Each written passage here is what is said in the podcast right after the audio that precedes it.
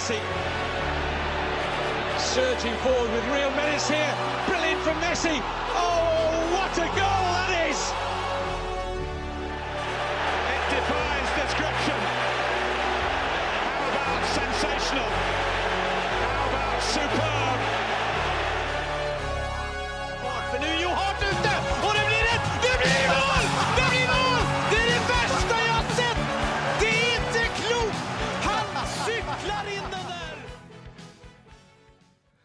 Ja da! Velkommen til episode 217 av den magnifike fotballpodkasten 90 minutter. Med meg i studio har jeg som vanlig Mats Granvold. God kveld.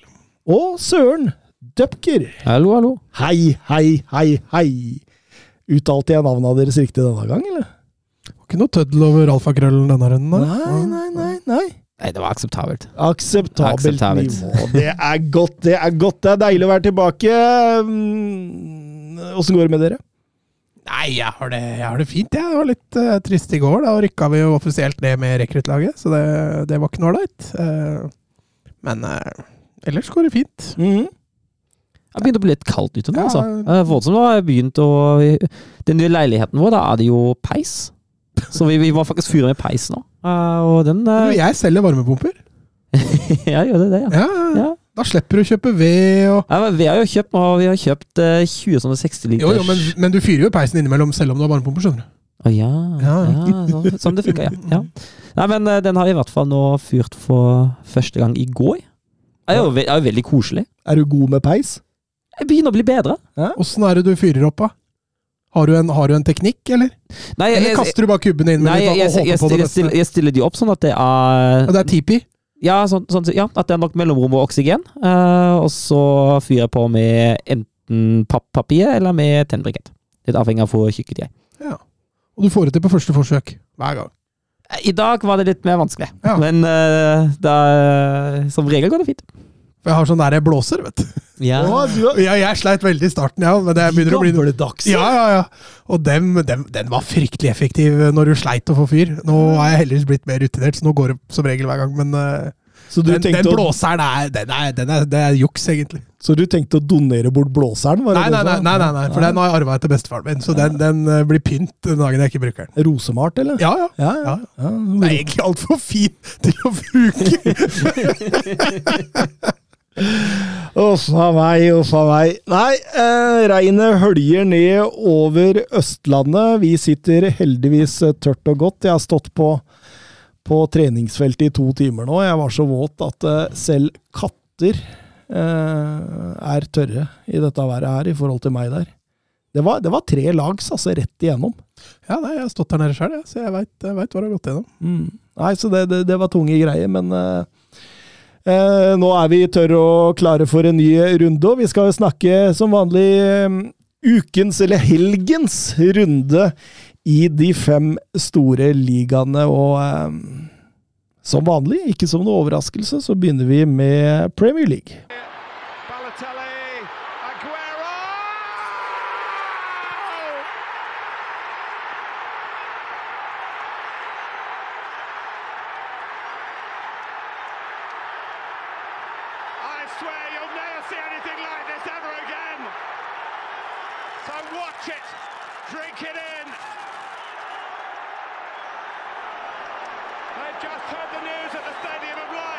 Ja, og vi begynner med Luton Tottenham, og vi kan jo egentlig begynne med et spørsmål fra Jonny Sveen. Eh, Johan Lange, er det rett mann for Spurs? Eh, Liker den litt ut av boksen-signeringa. Det er altså mannen som skal erstatte Paratesi. eh, skal jobbe tett med Scott Munn, og, og dette er jo mannen som var assistenten til Ståle Solbakken i FCK i, i noen år, og ble med han videre til Wolverhampton. Eh, Blei også med tilbake til København, hvor han eh, tok da en type sportsdirektørrolle der. Og så ble han henta til Aston Villa, og der har han vært med nå å forme det til det Aston Villa er i dag. Han henta Watkins, han henta Emi Martinez og, og sånne ting. Og det sies jo At det skal være en mann som er flink til å plukke ut talenter, og være flink til å hente billige spillere og gjøre dem til suksess. så ja. Nei, eh, det, det høres jo bra ut å få inn en danske der igjen. Mhm. Ja da, altså litt ubeskrevet blad, sånn ikke veldig kjent, men jeg begynner å få en bra CV. Og som sportsdirektør så tror jeg du er avhengig av å ha litt connections, uh, kjenne litt folk. Så jeg tror mye avhenger av det. Mm. Nei, det er i hvert fall spennende. Det er en spennende type. og Tottenham har jo hatt danske sportsdirektører eh, før dem, i Frank Arnesen, så eh, Men eh, visste dere at eh, Tottenham Luton sist de spilte, var i 1992? Nei, det visste jeg ikke, men det er ikke så overraskende, egentlig. Nei, nei, nei. Erik Thorstvedt sto i mål. Eh, så da snakker vi en type sånn én, to, tre år etter jeg blei fan. Ja, og så er det før Premier League. Ja, det, det er jo helt så klart. Så det, men eh, for en åpning av Tottenham. Ja, det er egentlig helt utrolig. Tottenham altså, var det? Over 90% possession første 15 minutter. Uh, helt utrolig at Tottenham ikke leder uh, før de har spilt 10 minutter. Uh, ikke leder med, med flere år, egentlig. Eh, for noen voldsomme sjanser. Eh, Tottenham skaper helt fra start og legger et voldsomt press fra Luton og ja, bør tatt ledelsen tidlig der. Dette minner meg om sånn vi husker Arsenal i fjor. De bare kom ut og bare rævkjørte motstanderen fra første spark på ballen. og Problemet her er jo at eh, selv tross en høy XG, ballen går jo ikke inn. Nei da, og, og Tottenham skaper mye på, på de høye gjenvinningene sine. De, de har korte avstander når de angriper der, og det, det gjør det lettere å vinne igjen ballen når du mister den. Og, og når du da Det er statistikk på det, at de fleste måla skåres seks sekunder etter at du vinner ball. Og, og her ser man jo et eksempel på, på akkurat det. da. Eh, Luton kommer seg ikke ut. Eh, og og Richarlison skulle vel nesten hatt et hat trick der før det var spilt ti minutter, så Nei, det var, det var ikke helt flytt. Nei, det var ikke det. Og når man går mot pause også, så, så ender de opp altså i eh, ti mot elleve-situasjon. Ja, altså, f- fryktelig tullete episode det der. Uh, altså, for det første, filming er uansett alltid Altså, jeg syns det er så usportslig og ufint, men det er jo altså Det er jo utenfor boksen. Det, det, det gjør det jo ekstra tullete. Altså, altså, er det så fryktelig klønete forsøk på filminger, fordi alle ser jo dommer nå. Med en gang at det er jo filming. Trenger ikke mange repriser for, for å være tydelig på at da var det ingenting som eh, kan kalles kontakt. Nei, også, Altså, som, som en sånn primadonna offensiv som jeg var sjøl. Så når du forventa kontakt, og du føler du ikke har helt kontroll, så er det lett å Ja, vi legger oss der. Eh, og, men når Luton-spilleren trekker seg, så ser det jo Det ser jo ikke bra ut. Uh, men nå skal det jo bli spennende å se. da. Jeg har identifisert at Tottenham har liksom tre spillere som de helst ikke skal være foruten. Og Bizuma er en av dem. Så det skal bli spennende å se hvordan man løser det framover. Ja, nå får han vel sikkert bare én kamps karantene, så da mm, tenker jeg det er, eh, går greit. Men han hadde vel Jeg veit ikke åssen det er, jeg egentlig, fordi han hadde vel Han skulle vel ut i karantene om han fikk det gule kortet også? Ja, men da, da blir det gule annullert. Altså Det gule teller ikke med i regningen, så han får én karantene for, for sitt andre gullet nå. Og så hvis han, hvis han nå går ut igjen med et gult kort, så Altså han starter på før Det er tidlig å begynne å få karantener. Ja. Eh, absolutt, men uh, så det, eh, Du setter jo spi medspillere i en vanskelig situasjon, da. Ja, altså, og særlig i en sånn kamp. Altså, Hvis du spiller den der Hvis du, hvis du fortsetter med det trøkket, da eh, Og så har du jo avtatt litt for all del, eh, men Tottenham er jo det beste laget gjennom hele omgangen. da, Og hvis du fortsetter med det der Du kommer til å score på et tidspunkt. For så mye bedre har Tottenham faktisk vært enn Luton i den første omgangen der. Og det er så lite å vinne på det der i tillegg. Altså, det er jo Nei, det, det er bare ekstremt, ekstremt usmart og usportslig gjort. Jeg går inn til pause. Poster Koglu tar ut Rikarlisson inn med Høibjerg. Går over i en slags eh, 4-2-1-2 med Madison i en fri rolle, med Son og Kulisevskij på topp. Kulisevskij Kulisevski som en sånn slags hybrid av wing og Ja, Madison nå får jo venstresida defensivt da, som ansvar, ja. så, så det er jo mønster i det defensivt òg. Men, eh, men eh, Tottenham mister jo dette brede opp, kantpunktet, da, som gjør at Udoji også blir ikke, får ikke den frie rollen han er vant til ellers. Det blir litt rokeringer der. Eh, så, men Tottenham, eh, når de først får den tidlige skåringa i andre omgang, der, så, så tenker man jo at da er det jo greit. Var helt greit gjort av Madison, eller? Ja, Nydelig assist. Herregud. Og han, viser jo nok en gang hvor verdifull han er for Tottenham-laget, og hvor mye de kanskje har savna en sånn offensiv type, en sånn type som ham i forrige sesong. Ja, vi etterlyste det i mange kamper der, at eh, den Eriksen-erstatteren som aldri kom, nå er han der, og, og kanskje til og med enda mer kreativ enn Eriksen. Kan liksom åpne opp ting. Han kommer oftere, ja. Men eh, Mickey van de Ven skårer sitt første Tottenham-mål der etter et Madison-forarbeid. Og eh, selv om Luton da kommer mer og mer med, dem, dem slipper prinsippene sine, bare peiser framover, kommer til mye innlegg. Tottenham står eh, ganske bra baki der. Og så, og så får vi et spørsmål fra Fredrik Konradsen her. Postekoglu viser en in game management av høy klasse. Litt press på seg, 11 mot 10, inn med Skip og Emerson, stenger av kampen. Har Postekoglu en svakhet? Jeg bare spør. For det er jo det han gjør. Han stenger av kampen. Nå, nå får dere ikke lov å Nå får dere ikke flere sjanser. Jeg har sett inn på Davies òg, med duellstyrke og sånn òg, så han, han, eh, han gjør flere gode trekk der. og eh, ja, altså In game managementet i den kampen her var jo strålende, og, og absolutt stå karakter. Eh, at vi skal dømme han etter åtte kamper, det, det syns jeg er litt tidlig. Men uh, positiviteten blant Tottenham-supportere, det lyser jo også på vår, uh, vår Twitter-spørsmålsrunde. Det er ingen tvil om det. Ja, for Petter Martin Støvland han skriver her noen ord om uh, Papé Matar Sarr. Takk, skriver han. Altså, altså, jeg har vel sagt det før, og jeg kan si det igjen. Patrick Vieira. Altså, det er som snytt ut av nesa på Patrick Vieira.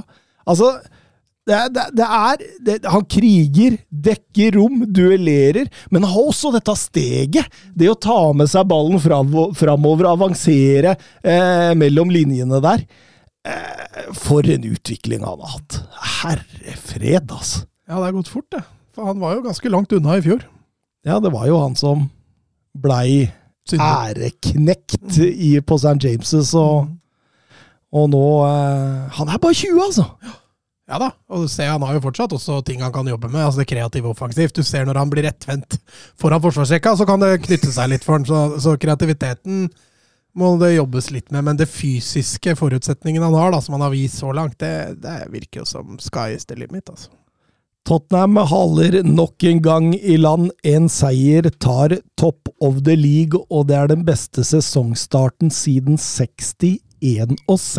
Her, her, her, her snakker vi noen år, altså er det godt over 80. Ja, det, altså, ja, altså Vi har jo rost Tottenham-laget før. Vi kan rose dem igjen. For det, det Postecoglou så langt har gjort med det laget, det er helt helt enormt. Og, og sånne seier òg. Altså, det er litt viktig at man kan bevise at man også kan vinne kamper på den måten der. Og Jeg føler egentlig Tottenham har litt sånn vunnet kamper på alle måter nå. Altså, knep med overtidsseier mot Sheffield der de har lygga lenge. Og Liverpool. Ja, og Liverpool for den saks skyld. Uh, man har hatt overbevisende seier, men man har, not, har nå også hatt en seier der man spiller en veldig voksen kamp. Uh, selv om Postekoglu kanskje er mest kjent for det offensive. Fredrik uh, Kondaksen var jo inne på det. da. At uh, viser litt sånn at det er litt sånn en pakke, da. Og det er, det er jo veldig positivt for Tottenham. Ja, altså han, han, han er så smart. Han har gode innganger. Han leser kampbildet. Han er bra med, med, med media. Det virker som han er en sånn farsfigur for spillere, samtidig som han har ordna den der balansen med å være være også lederen i flokken. Da. Jeg tror Tottenham kan ha funnet gull der, eller det vil jo si, det var Celtic som fant han, da, for det var jo en manager man, man knapt nok kjente til, men som jeg tror faktisk har toppnivået til, til Pep og Klopp og, og alle de største, egentlig. Så det, det, det er ekstremt spennende og veldig morsomt at vi får en ny manager som var liksom helt ukjent. Som, altså, Og ikke spesielt ung heller. Nei, ikke sant? De, de kan gå og ta stega da òg. Så veldig, veldig gøy. Vi går over til Burnley mot eh, Chelsea, og eh, ja, de får jo en kalddusj fra, fra start der, men uh... Ja, Så snart Stirling våkner, så blir det Jeg får en kamp Raheem Stirling har der, altså. Han er jo, han er jo involvert i alle fire mål de skårer, og egentlig det meste som Chelsea skaper offensivt. Der. ja, helt, eh, helt klart. Nå hadde han fått venstre kantrollen, og, og, og spissen fikk eh, Armando Broja. Trives kanskje litt bedre når han får komme litt bakfra og litt, få litt rom ut venstre med oss. Ja, han har jo, men det har vi jo snakka om før òg. Jeg husker hva er egentlig den beste posisjonen til Stirling, og vi konkluderte jo da med at det var venstrekant, som eh, hvor, han, hvor han kanskje er best. Og, og vi ser jo veldig mange gode eksempler på det i den kampen her, hvor han får rettvendt seg og, og får sette fart på. I tillegg så er det en litt annen spilleglede og litt, annen, litt mer offensiv Stirling, da, som vi ser nå, som ikke var der i, i fjor, og, og ikke året før der heller. og Eh, så, og Stirling er jo en fantastisk fotballspiller når det glir. Altså, han, det er litt Messi over han. Det er liksom litt sånn tyngdeoverføringer, eh, gode føringer med ball. Uh, innside, utside. Uh, og når han da i tillegg greier å skåre et mål også, så altså, Han er jo ikke kjent for å være spesielt effektiv. Så, og nå har han vel to assist og, og en scoring, så han Nei, det er strålende fotballkamp. Og underholdende å se på. Mm. Ja, helt klart. Uh, den får hjelp inn til pause med et må, uh, selvmål av uh, Alda Kiel der, som Ja, det er flyt. det, det, det, Den er litt flyt. Trefferen og ballen går i eget mål der. Og, og da får de jo på en måte Altså, for hvis de ikke hadde fått den inn til pause, så kunne det jo Ja, blitt annerledes. Ja, det kunne det. fordi altså, Særlig i første omgang syns jeg ikke Chelsea overbeviser offensivt. Uh, de skaper ikke voldsomt mye. altså Ja, det er noen, uh, noen tiller på alt det der, uh, men det er ikke mange store sjanser som, som Chelsea har. Og så er det den, og den straffesituasjonen rett etter pausen nå, som er jo fryktelig klønete. Um, Og litt, litt hjulpet der av, eh, av litt marginer og litt klønete Burnley-spill, men uh, etter det er det jo Ja, for da, da må Burnley litt mer fram igjen. Ja. Da, da får Da- jo Stirling rom. Disse rommene som vi snakker om. Og, og, og Jackson kommer inn der, og det var et godt bytte. Så også få inn en sånn derre uh, Bippet Gonzales inn der, som kan eh, røre enda mer i det. Så, Mm. så det var også god coaching der fra, fra Pochettino til å punktere det. Ja, absolutt. Eh, får flere spillere i gang. Jeg syns Caicedo eh, har en god utvikling. Mm. Eh, virker å, å, å, finne den midtbanen sammen med Gallagher og, og, eh, og Enzo. Venter Eh, fortsatt litt på Enzo. Ja, Han, ja. eh, han greier ikke ja. å Jeg syns han aldri er dårlig. Nei, nei, nei. Men Nei. han styrer ikke kampene heller, sånn som Nei. han kanskje Og, og i hvert fall ikke fra den Altså, han har jo litt den mer fremskutte rollen. Ja, han har litt mer indreløperrolle, da. Og det, Eh, det er jo en rolle han ikke hadde i Benfica og ikke Nei. hadde i Argentina. så Det er, litt som han, det er, det er en litt sånn ny rolle for han.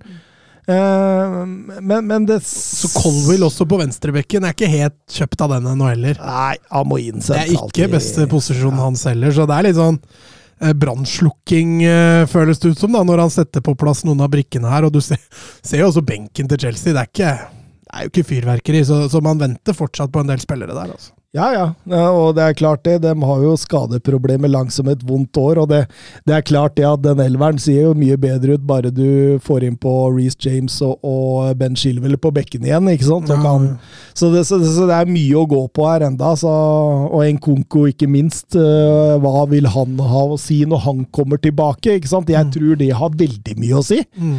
Så jeg, jeg, jeg, jeg tror jo at eh, at Chelsea kommer til å oppleve framgang gjennom hele sesongen, og at eh, hvor, hvor, hvor langt det tar dem, det er, det er vanskelig å si. men det, Ikke gullkamp dette året, men, men, eh, men spennende. Og, og Daniel Ødegaard han spør um, har man malt bildet av Chelsea svartere enn det egentlig er.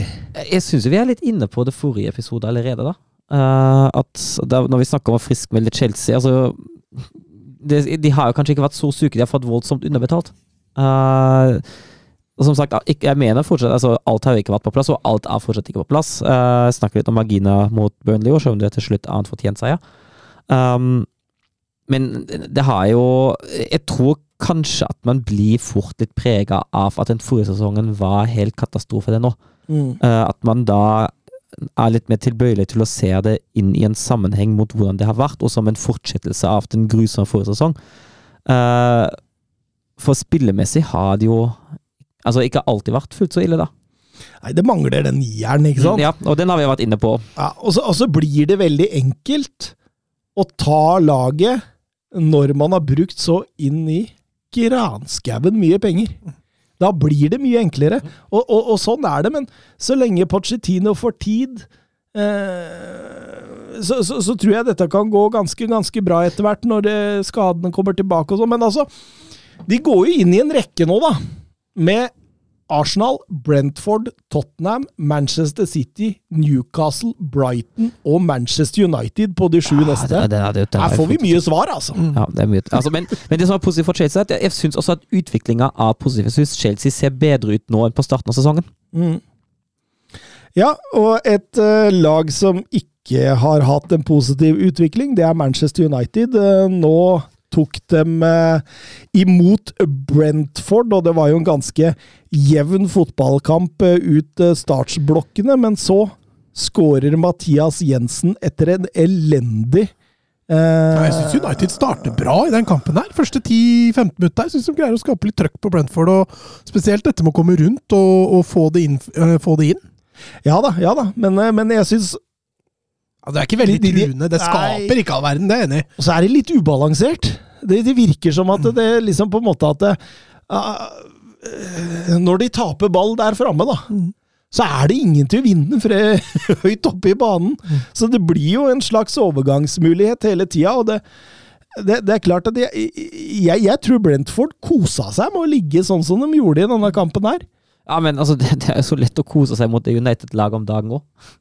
Det, det, det, det, det er det. Og så er jo Casemiro, da. Han er jo En skygge av seg Ja, han er det. Altså, altså, altså det, er, det er litt sånn Det sier jo litt alt at det er han som mister ballen for 1-0, da. mm, Det er litt sånn som det har vært, at han, han som egentlig skal være den store stabilisatoren på midten, og som var så viktig for United i forrige sesong, eh, at han kommer med det han nå. Det passer egentlig godt inn til den sesongen han har hatt så langt. Ja, og så når sjansen først kommer der også, etter det rotet, så, så, så er det jo rot av Lindeløf, og det, Onana er svak, og det, det, er, det, er jo, det er jo en følgefeil her som uh, kunne ha vært retta opp i før, ja. Hva er det som har skjedd med Onana, egentlig? Nei, det Nei, kan det, er jo en skygge av seg sjøl nå. Det virker som han nesten sank 30-40% bare han så porten på Carrington. Jo. Det, er, altså, det er veldig, veldig spesielt. Altså, du går fra ytterste, ytterste verdensklasse i, i, i fjor til å, å se helt mediocre ut. Ja, Mediocre var jo snilt. Altså, nå har han jo tabbe i annenhver kamp, da. Mm. Og det Ja, koster. altså, det er koster litt forskjellige typer tabber òg. Liksom enten spiller han bort ballen, eller så lar han en gå inn som han burde tatt også. Så jeg er litt enig i at eh, alt har liksom falt noen prosent på han. mm. Han har noen strøkne langballer i den matchen her, altså. Et Ja, par av de ja, der hvor, eh, hvor er det å kjenne igjen. Men, eh, men, det, men det blir eh, småpiping på Old Trafford inn til pause der. Ja, det er ikke, det er ikke overraskende, da. Med tanke på hvordan United har fremstått i det siste, at folk er misfornøyde etter nok en sånn prestasjon. Fordi den kampen der begynner jo etter hvert å ligne veldig på den kampen som de hadde mot Crystal Palace. Mm. Synes jeg. jeg syns det er kamper som er ganske like.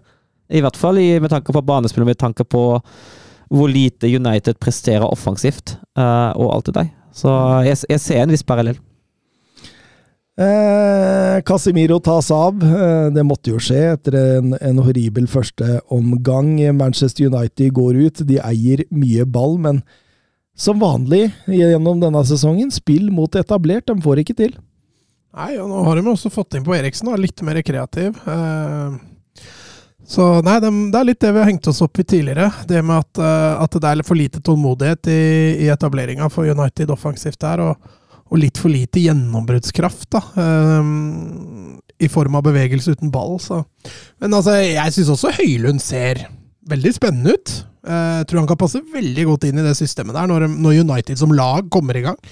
Uh, Men eh, ja, det holder jo ikke med bare han. Nei, man har Scott McTominay og Man har superinnbytter å sette inn. på overtid så snur han det omtrent på egen hånd. Eller skal man si ved hjelp av Harry Maguire også? Ja, han er jo assisten før 2-1, da, så ja, man kan jo akkreditere ham litt. Ja, litt Men- utskjelt, utskjelt scoring.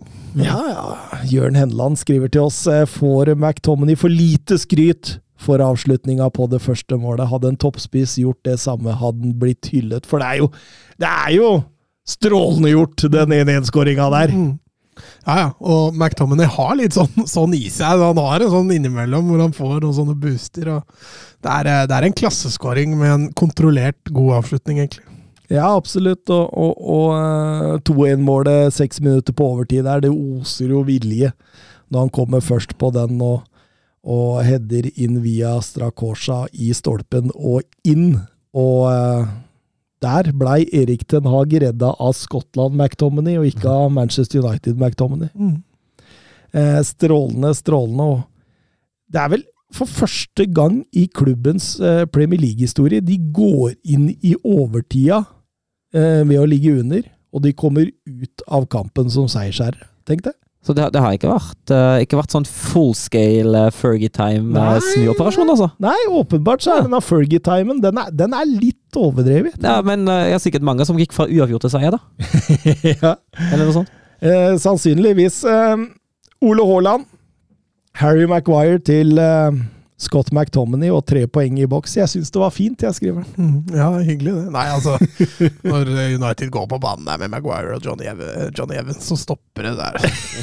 Du, det er liksom Hvor, hvor, hvor er det Åssen har de kommet hit, liksom? Eh, for all del. Eh, Evans har mye erfaring og rutine, og Maguire veit vi jo har et bra toppnivå. og Det er bare det at det er en stund siden begge de to har vært det over tid. og og ja, nei, det kan jo ikke pågå i lengden med de to gutta der. Da, da blir det stygt etter hvert, tror jeg. Nei, jeg, jeg tror ikke det var planen til Erik Den Haag. At, uh, John Evans virka jo som en nødløsning. ja, det, ja, ja. Jeg, jeg trodde nesten at eh, oi, han skal inn i trenerteamet, liksom.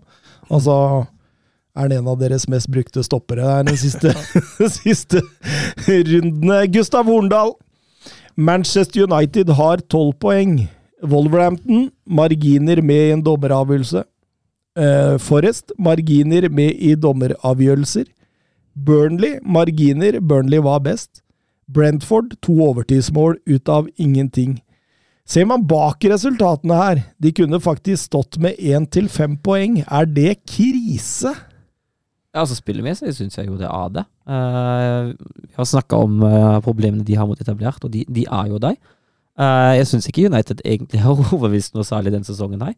Eh, nå er jo Ten Hag heldig at han har de poengene han har, da. Uh, så for all del, det hjelper jo det. Man kan ikke ta fra dem de tolv poenga! Nei, det er akkurat det. Uh, altså, og så kan man jo også nevne, hvis man, hvis man er inne på det, på den andre sida av vektskåla, ikke at den utjevner det, men det var litt marginer imot mot Tottenham, for all del. Uh, så man kan jo nevne det nå. Men eh, ja, jeg syns United er skuffa. Uh, Ja, man forventer mer av United, og, men eh, som, som du er innpå der, da, altså gode lag har jo, gode margi har jo marginer. Mm. Og United har mye gode enkeltspillere som, som, som kan redde svake kamper. Som Scott Som Scott McTomney, Ja, kriger inn der, to, to skåringer. Og, og det, det er det jo ingen som får tatt fra United noen gang. Eh, og, eh, og det er som du sier, du, du kan ikke ta fra dem poenga heller. Så ja, jeg er enig med Søren at United har ikke overbevist. Eh, men eh, at de sitter nå med tolv poeng, er, er vel greit, det. I januar så kommer Todd Boiley på besøk til Carrington, vet du. Skal ha Scott McTominay på en åtteårskontrakt. eh, Vebjørn Fredheim. Det er, det er verre å kalle Erik Ten Hag for en løgner enn å banke dama si, åpenbart. Før han går over til noe helt annet. Sancho ferdig!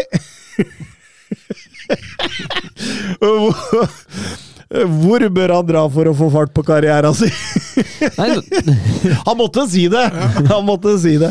nå ryktes det jo at uh, Sancho og Edin Terzic er i god kontakt. Uh, for begge to er vel uh, ja, Jeg vet ikke om jeg skal glad i hverandre, men uh, verdsetter hverandre, i hvert fall. Så altså, en Dortmund-retur eh, kan jo absolutt se for meg ha, kan sette ordentlig fatt på karrieren til Sancho. Han eh, vil bli satsa på. Han er en klubb, eller en gammel helt som supporten nok kommer til å ønske velkommen. Uh, og jeg tror også at han kan være en brikke som Dortmund kan ha godt av. Vi kommer litt innom Dortmund seinere, men uh, det er kanskje litt, litt kreativitet som de mangler. Uh, så jeg, jeg kan se for meg at det kan fungere veldig fint. Ja. Ja, Hvis han skal få en rakettstart igjen på karrieren sin, så, så tror jeg Dortmund har et godt valg. Eller Serie A, eller Det Serie A jo alltid. er jo, er jo også et trygt valg for en eh, avdanka Premier League-spiller. Mm. Tønna, ved navn eh, Philip Ringstad. mm, Hva er tankene deres rundt at så mange Manchester United-supportere vil ha Ten Hag sparket? Jeg, jeg skjønner ikke. Det blir jo bare samme regla som det har vært de siste ti årene, hvis man ikke er tålmodige. Ja, det er jeg for så vidt helt enig i. Eh, Du har noen sånne Jeg tror det er noen få som kunne gått inn og gjort dette bare bra med en gang. Ikke, ikke bra bra, men, men starta en ganske kjapt. Og det, de er opptatte, de trenere. Utenom Conte, da. Ja, for så vidt. Men han bygger jo for så vidt ikke så bra lag over tid, da. Nei da, Så men det er en kortsiktig løsning, da. Ja, det er en kortsiktig... Graham Potter er jo ledig, da. ja. Ja, men det er i hvert fall en lagbygger, da. Det er en lagbygger. Der eh, Så nei, jeg er for så vidt enig. Eh, vi skal jo Altså, United er jo Vi nevnte vel det i forrige podkast, at de er jo i en posisjon Altså, United kan ikke havne på tiendeplass. Da får du fyken ganske Mm. kjapt, tror jeg. Så han har jo ikke uendelig med tid, men eh, jeg mener også at nå har United vært gjennom et par trenere her og ikke sett noe særlig til bedring, bortsett fra under Ten Hag i fjor, hvor man så en, så en forbedring. Jeg, eh, akkurat sånn det er st- ståa er nå, så, så er det forhasta, syns jeg, å fyke han. Ja, altså, uten tålmodighet så hadde jo ikke Manchester United-fansen opplevd eventyret rundt sir Alex Ferguson. Der var jo tålmodighet nøkkelen for at uh, han fikk tid på seg for å bygge dette laget, og så veit alle historien. Uh, han kunne fort vært sparka, han. Eh, Ja, Tidlig på 90-tallet der. ja, ja, ja, eh, ja. hang De, de lå jo an til nedrykk og alt mulig, så det, det, det, var krise. Uh, så, så er det noen som bør vite at man trenger litt tålmodighet iblant, så er det Manchester United-supportere. Men samtidig, jeg tror det er mangelen på progresjon, eller altså det vil si ikke bare mangelen på, på, på progresjon, men eh, at, at, man ser det nesten er på vei litt tilbake igjen. At det har vært eh, ett skritt frem og, og to tilbake. Jeg tror det er det som på en måte mange trigges av når de vil ha han sparka, da, fordi det er bekymringsverdig. At man liksom ikke har sett noe At man har bygget videre på det Ja, men- som var bra sist sesong. Ja, men det starta litt sånn på null. Uh, og så kan man jo være rett for av det nivået som man har sett av United forrige sesong, er det liksom toppnivået under Erik Ten Har? Går det ikke lenger? Er det der det slutter? Er det taket? Mm. For hvis saka nådd, så skjønner jeg jo bekymringene, men jeg, tenker, jeg, jeg er helt enig med Mats at jeg tenker at litt mer tid. uh, det bør han også ha fortjent seg etter den forrige sesongen. Ja, altså, jeg husker på alt det utenomsportslige. Altså, det var mye utenomsportslig i fjor òg, med Ronaldo og sånn. Altså, så det er ikke første gangen, men det har vært mye skader og utenomsportslige ting som har holdt dette litt tilbake òg. Jeg regner med de ikke bruker det som en unnskyldning på, på Carrington, for da tror jeg de er ille ute. Men eh, man skal ha det litt i bakhodet òg. Bygge et prosjekt hvor du mangler flere av dine beste spillere over tid. Det er heller ikke lett. Nei, nei, nei. nei. nei helt klart. Og, og i likhet med Chelsea, de har jo også hatt skadeproblemer, så det, synger etter, egentlig. Så det, det, det Ja, men, som sagt, men jeg sier det igjen, igjen altså, jeg syns Chelsea sett under ett den sesongen har sett bedre ut enn United. mm.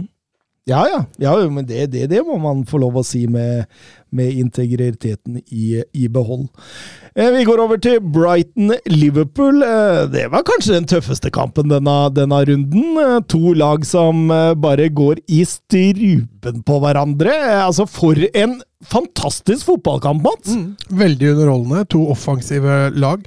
Jeg syns Liverpool gjør det litt mer kontrollert enn det Brighton gjør. Og det er vel egentlig først når eh, Liverpool gir bort 1-0 der, at eh, Liverpool blir enda litt mer eh, hva skal jeg si, dristige, da. Og etterlater seg litt mer rom. Eh, for jeg syns det er en voksen inngang av Liverpool. Brighton kjenner vi jo, så det, det var jo ingen overraskelse. Eh, men eh, måten også da Liverpool snur det på, jeg syns eh, veldig underholdende fotballkamp med, med offensiv tankegang fra, fra begge lag. Og der ser vi prime Liverpool når de snur det oppgjøret der. Ja, ja og så ser vi litt sånn risikoen med Brighton med Brighton spillestil. For de, de vil jo spille på seg press, for, for å overspille press og få rom bak pressleder. Uh, og det er, jo, det er jo egentlig en veldig interessant og fin spillestil. Uh, det blir jo en utfordring når man møter et lag som er såpass gode til å presse som Liverpool er, og har vært under Jørgen Klopp.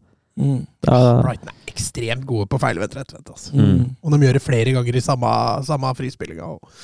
Det er helt riktig, men de sliter i den kampen her. Spesielt i perioden fra målet og, og ut, i, ut omgangen. Ja, helt klart. eh, Sala mm, 1-1, Dunk eh, feilspill i, feil, feiler i frispillinga der. Soboslai, som nok en gang ja, kanskje banens beste igjen. Ja, Eh, dekker enorme rom, altså. Det er helt vilt, faktisk. Eh, setter opp Diaz, nydelig vending ut på Núñez, som igjen flikker videre til Sala. og Sala setter den i lengste, vi har sett det før.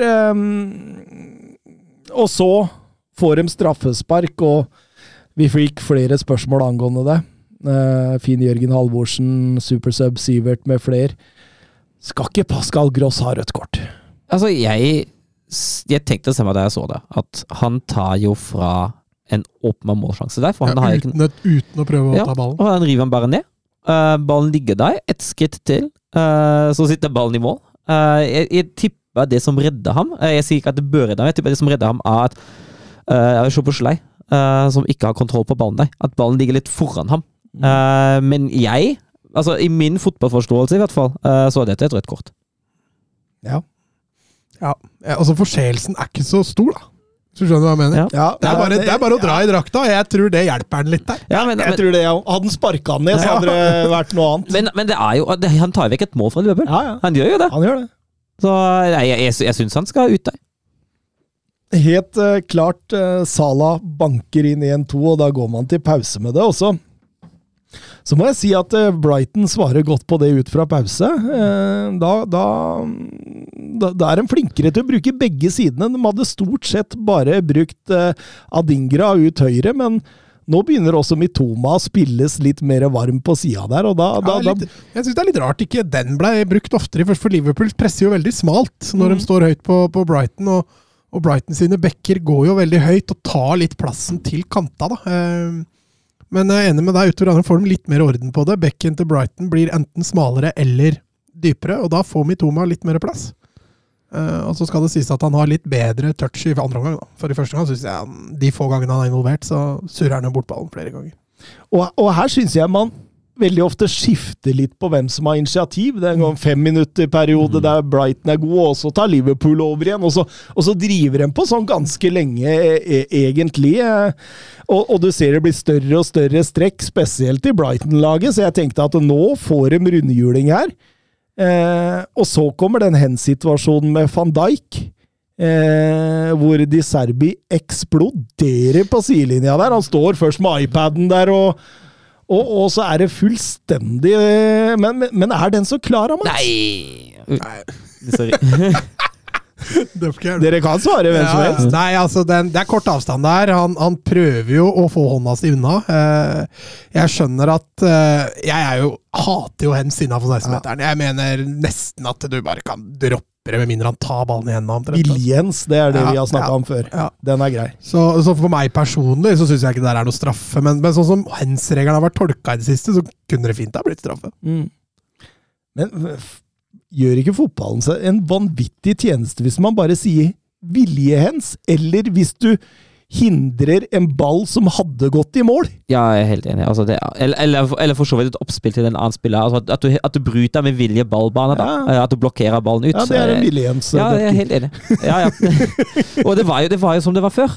Ja. Uh, og så var det, var det litt, litt grann, Jeg husker det var sånn litt grann omdiskutert, og så kom de nye hensregler, og så var det ingen som skjønner noe som helst lenger. Og det, er, det, det framstår jo vilkårlig òg. I den situasjonen er jeg jo helt enig i at det ikke blir straffespark. Uh, jeg syns ikke det skal være straffespark. Uh, Men 50% av Premier League-dommere hadde sannsynligvis blåst Ja, helt sikkert. Og vi har sett flere eksempler som har vært enda mer hårreisende. Og jeg husker jo den i, i fjor i Alaba, da Alaba støtta seg på hånda og blir skutt på jeg vet ikke hva, mot Viareal eller Valencia og sånt, og så blir det straff imot. Så.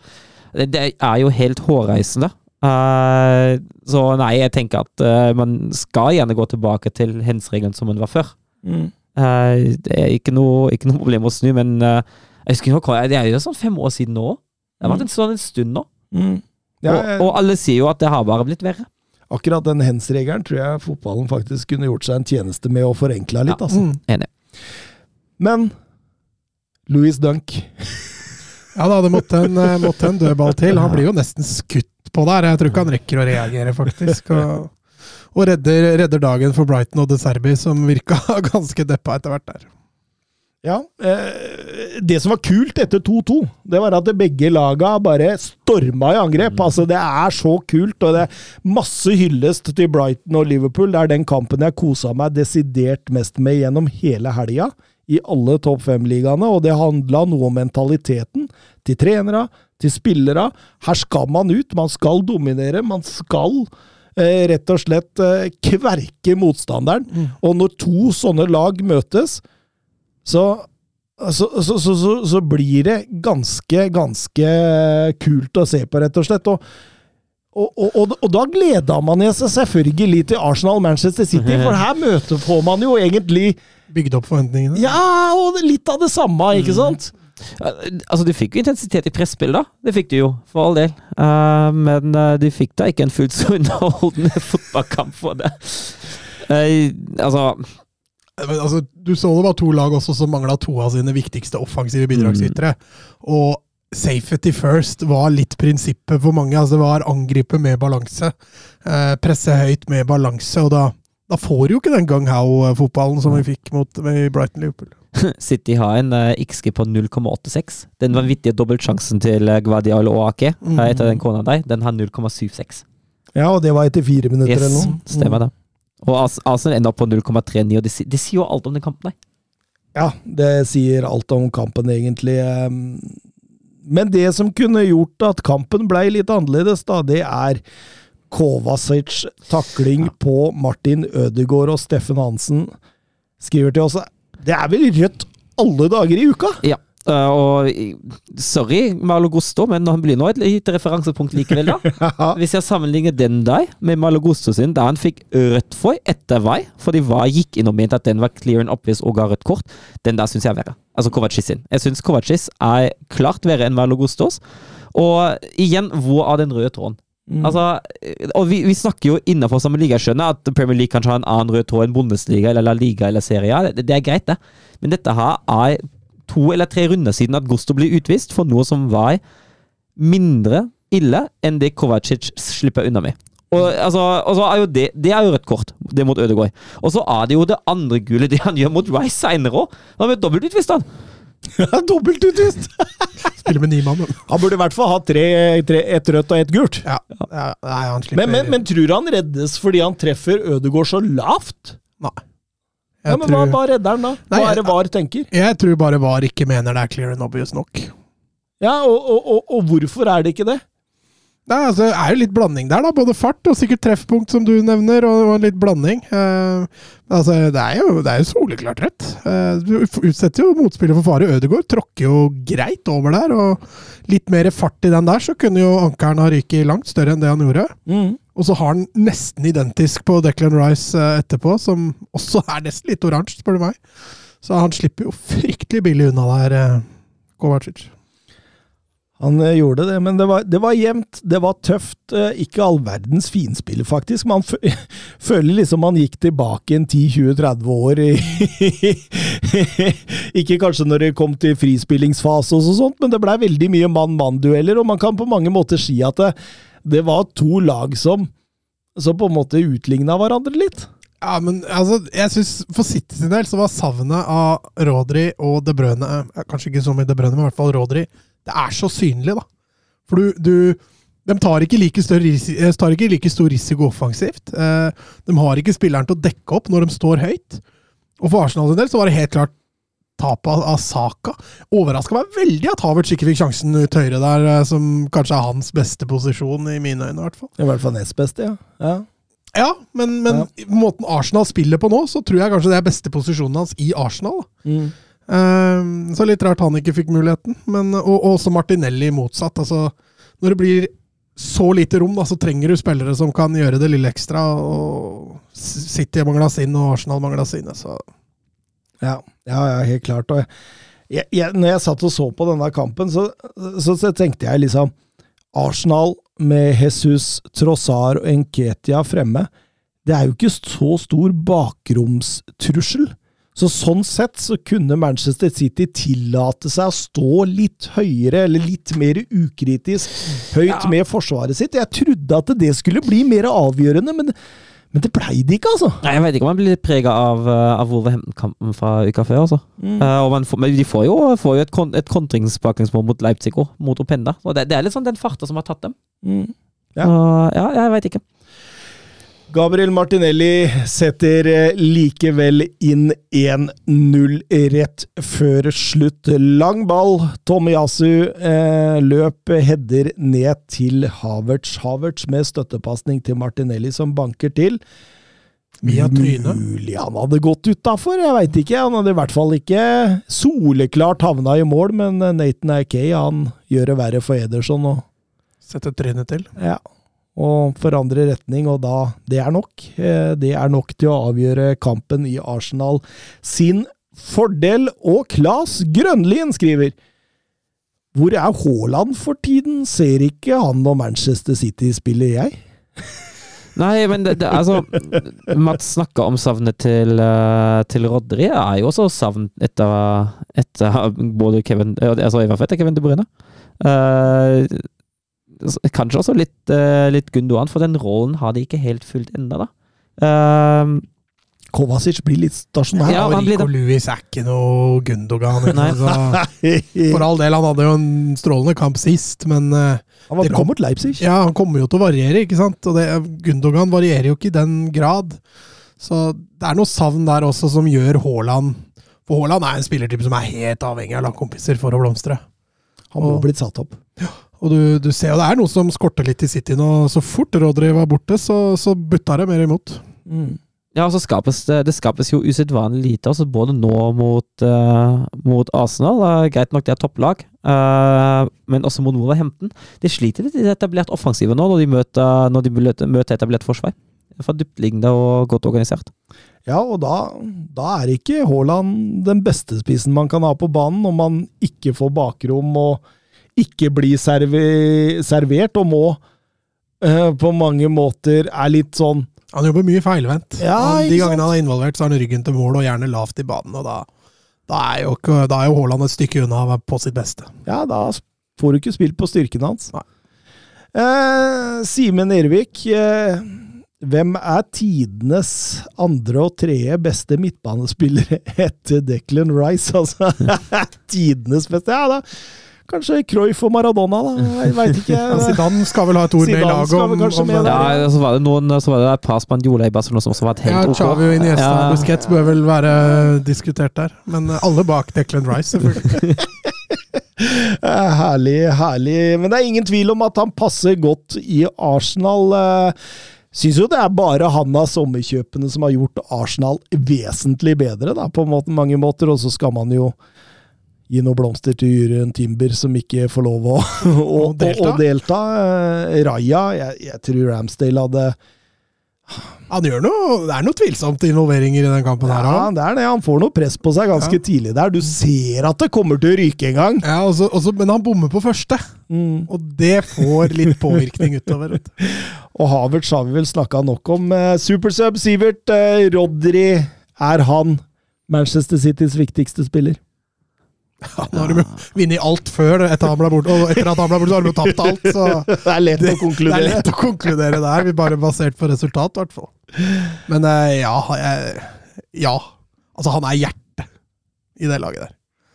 Så Jeg vil Jeg vil nevne Kevin De Brønne her. Jo, men de må jo vinne uten han. Ja, Uten Rodry så vinner de jo ikke. Nå mot Leipzig, jo. Da var Rodry med. Ja, sant det. Ja, sant. Ja, sant. Stemmer det. Å, herregud, ja. Ja, ja. God morgen.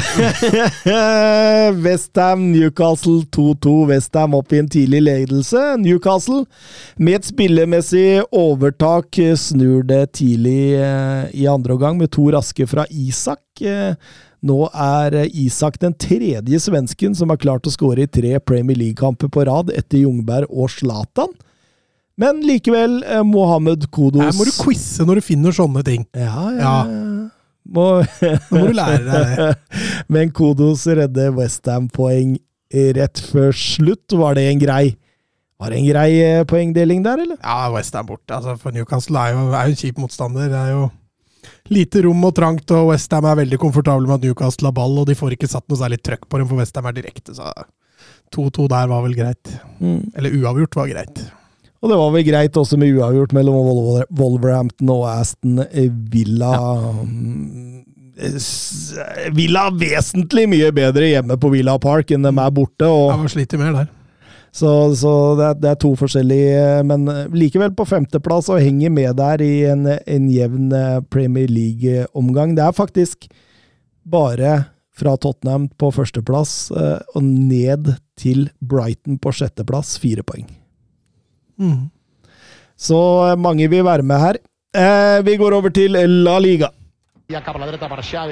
Assistència de Xavi més cap a la per Messi, Messi, Messi, Messi, Messi, Messi, Messi, Messi, immens Messi, encara Messi, encara Messi, encara Messi, encara Messi, encara Messi, encara Messi, encara Messi, encara Messi, encara Messi, encara Messi, encara Messi, encara Messi, gol, gol, gol, gol, gol, gol, gol, gol, gol, gol, gol, gol, gol, gol, gol, gol, gol, gol, gol,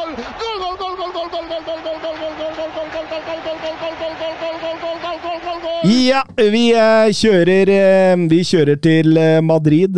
Der skal vi snakke litt om Real Madrid mot Osasona, og et Real Madrid med nykomponert stopperpar med Rudiger og Chuameni. Ja, tynt i rekka der nå. ja, det begynner å bli tynt i rekka, men en de har, det er Jude Bellingham. Han han er ikke tynn i rekka. Han fortsetter. Men vi har snakka litt nå om Real Madrid som slow starter, så i dag var det, var et Real Madrid-lag som var ganske på, på fra start mot et Osasona som, som ligger lavt. og ja, Bellingham åpner jo ballet igjen, han. Uh, altså, for, for, en start.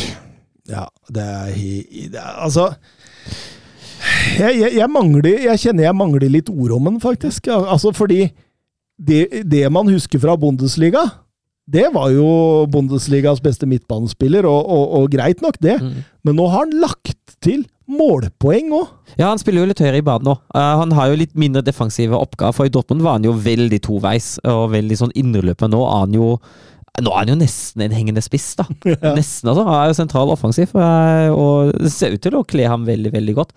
Vil du, vil dere gjette hvor Altså, han har jo nå åtte mål etter åtte kamper. Uh, vil dere gjette hvor mange mål Cristiano Ronaldo skåra i sine første åtte for, i La Liga for Real? Ja, Det tok litt mer tid. To eller null, da, siden du spør sånn. Jeg tror sju, jeg. Sju, sju er riktig, Thomas. ja. Han, han, jeg tror jeg har lest det. Ja, du har lest det. Ja. Men han, han, ligger altså foran Ronaldo i en statistikk, og det er jo helt enormt. altså. Mm. Ja, det er ganske vilt, for man veit jo altså, det, det, har florert med mange sånne Ronaldo-statistikker i, i, Premier League. At Salah Sala knuser Ronaldo i Premier League og sånt, men da Statistikk kan brukes så mye, og, og, og, Ronaldo kom som en uh, barnerumpe til Manchester United og, og, var langt ifra klink inn på laget. Når han kom til Real Madrid, så var han en superstjerne. Mm. Så, som bare gikk glei rett inn i laget, og, det er dette vi sammenligner med her. Da. Jeg hørte en annen podkast, de snakka om kan Bellingham skåre 32 mål denne sesongen. Nei, det kan han nok ikke. Da ble jeg veldig, veldig overraska. Men at han er godt over 20 og det, det i seg selv, altså igjen, Vi snakker om en midtbanespiller her. Ja. Uh, og vi snakker om midtbanespiller som i tillegg til å skåre mål, også, også gi assist. Uh, det er Nei, det er helt enormt hvor, hvor, viktig Hvor viktig den Han er 20 år! Hvor viktig han som 20-åring er uh, i Real Madrids offensive spill i, rett etter at den kom. Altså, det er, det er egentlig helt sykt. Ja, og når han tidlig i annen omgang der også bare spiller en lang vegg med Valverde og får han tilbake og, og setter han mellom beina på Herrera der, så er det jo det, det, han gjør det som en sånn selvfølgelighet, da. Mm. Ja, altså Han drar jo opp angrepa dypt i banen ofte, og det er ikke bare framme i banen han eh, Men han, det er liksom dette steget Også det som, som, jeg føler han skiller seg litt ut også på, er viljen, da. Han har en enorm vilje. Uh, så så lenge den er der så, altså, Du sa 20, altså 20 mål. Er han, jo, han er jo halvveis til 20 snart. Og vi har spilt åtte kamper. Så gitt at han ikke blir skada, så tror jeg han kan fint passere 25 opp mot 30. Oh. Um, en som har slitt litt i den nye formasjonen, Venitius, han fikk mye rom mot slutten der, og det, mm. det utnytter han også. Eh, du kan ikke gi Venitius de romma? Nei da, han får til slutt uh, hva skal jeg si, hull på byllen der. Uh, det er klart Osasuna sin matchplan slår jo maks feil der når de slipper inn så tidlig. og, og, og det er klart du kan leve lenge på 1-0 uh, og, og, håpe på poeng, men du havner under 2-0, du må begynne å gå fram, og da, da, er det klart da er det litt døden å ha Juvenitius junior å forholde seg til. altså. Eh, vært ute en liten stund og er på vei tilbake igjen og får, får, en, eh, får en, fin skåring der. Mm. bakrommet like stort som Edens hage da, når Ja, han får gå der. Altså, Så det, Fint frispilt det er vel Valverde som, som trer den gjennom der. og Bruker første touch som retningsbestemt, og da, da er det umulig å ta han igjen eh, når, han- når han er foran. Og runder vel keeper der, og da Hoselu ligger på Ligger på statistikken til Benzema, han, så han, han setter 4-0. Så er det noe sak, Mats! Nei, dette glir. Nei, altså, for all del, Real Madrid, dette er jo Med tanke på motstand, da, så er dette også en av de bedre kampene til Real Madrid i år, hvor de liksom har vært, gått ut og vært best nesten i 90 minutter og styrt det meste og, og, og vinner fullt fortjent, egentlig, 4-0. Så Uh, dette var et, uh, dette var et uh, godt Real Madrid-lag vi så nå. Ja, den bomma jo til og med på straffespark Ja. mot slutten der, så. Og gestikulerte opp til fansen der, keeperen, og, og måtte bort og si unnskyld etterpå. Han fikk jo enorm reaksjon når han gestikulerte etter strafferedninga. Eh, Torjus Hansen, eh, interessant spørsmål. As we speak, verdens beste spiller, Jude Bellingham eller Leroy Sané, eller kanskje en annen? Jude Bellingham. Uh, Leroy Sané har vært innom i Bayern München nå, men jeg føler at han er ikke Altså, hvis Sané har en off-dag i Bayern, eh, så er det fortsatt andre som kan fikse biffen.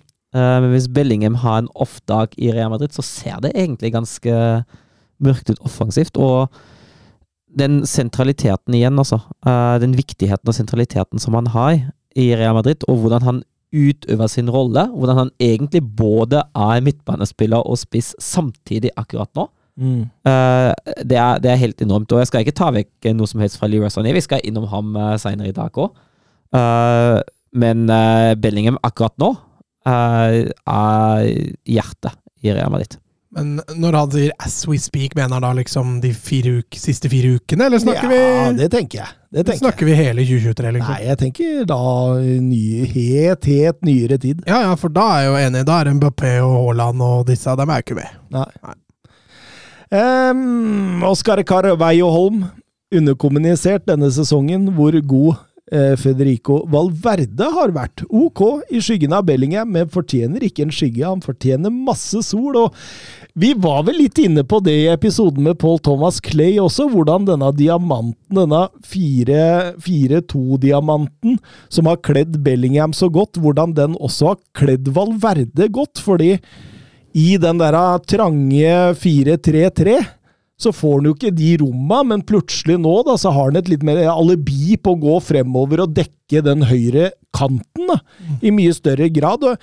jeg ser han har skapt 22 målsjanser i åpent spill denne sesongen. Det er ingen flere som har skapt flere målsjanser i topp fem-ligaene, så det, det tyder jo på at eh, det er ikke bare Bellingham denne formasjonen passer for. Nei da, men jeg syns også han har han har, altså sånn Rent teknisk da, så har han jo fått til langt mer òg. Altså, Pasningene i langt større grad er større kvalitet. Eh, Skuddet han har mot Napoli, det er jo ellevilt treff han får der. Altså, dette har han jo vist før òg. Altså. Jeg vil jo si at sånn Rent teknisk så har han jo fått en mye bedre inngang på denne sesongen enn det han i hvert fall hadde i fjor. Og så er det litt som du sier, da, som indreløper uten en kant på samme side. Det er klart, det tror jeg nok også gagner han litt, for da har han rom foran seg angriper, hvor antageligvis er mindre spillere å, å forholde seg til. Mm.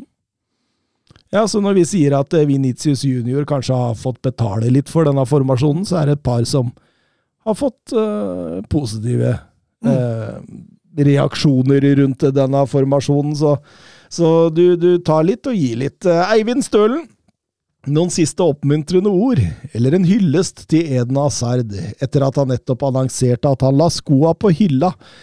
Eller eh, vil han stort sett bli husket og minnet for de negative memesa og, og bemerkninger om vektoppgang og de begrensa tida i Real Madrid? Nei, altså jeg kommer jo, Når man ser tilbake på karrieren til Eden Hazard som, uh, som helhet, så kommer jeg til å huske han best for Chelsea-tida. uh, da han faktisk var best. Og i, altså, i den Chelsea-perioden på slutten der, så var han jo en av verdens beste spillere. Eh, det var enormt hvordan han presterte før overgangen til Real. Han er jo sånn sett litt uheldig, eh, i anførselstegn, at eh, det er i de siste åra at det gikk ordentlig, ordentlig nedover. Og at man som regel alltid husker det som skjedde sist, best. Men jeg syns han har hatt en god karriere. Det er synd at den slutta litt for tidlig. Altså, den slutter jo egentlig ikke når han legger skoa på hylla med 32 nå, den slutter jo da han gikk til Real Madrid i slutten av fjoråret. Eh, men, Men, men, men Søren, gjør meg en tjeneste nå. Ja. Spør Mats om hva jeg sa om den overgangen. Ja, jeg veit hva du sa. Posterboy for Mækkern, er det det han skal bli? Er det det han skal gjøre? nå? Kan tjene mye penger på, Jeg tror det, jeg tror det. Nei, altså, for én fotballspiller på sitt beste. Altså, et tyngdepunkt og en nærteknikk som få spillere har hatt uh, før han. Uh, litt lik eh, Messi i måten man drar seg forbi de tyngdeoverføringene, kroppsfintene.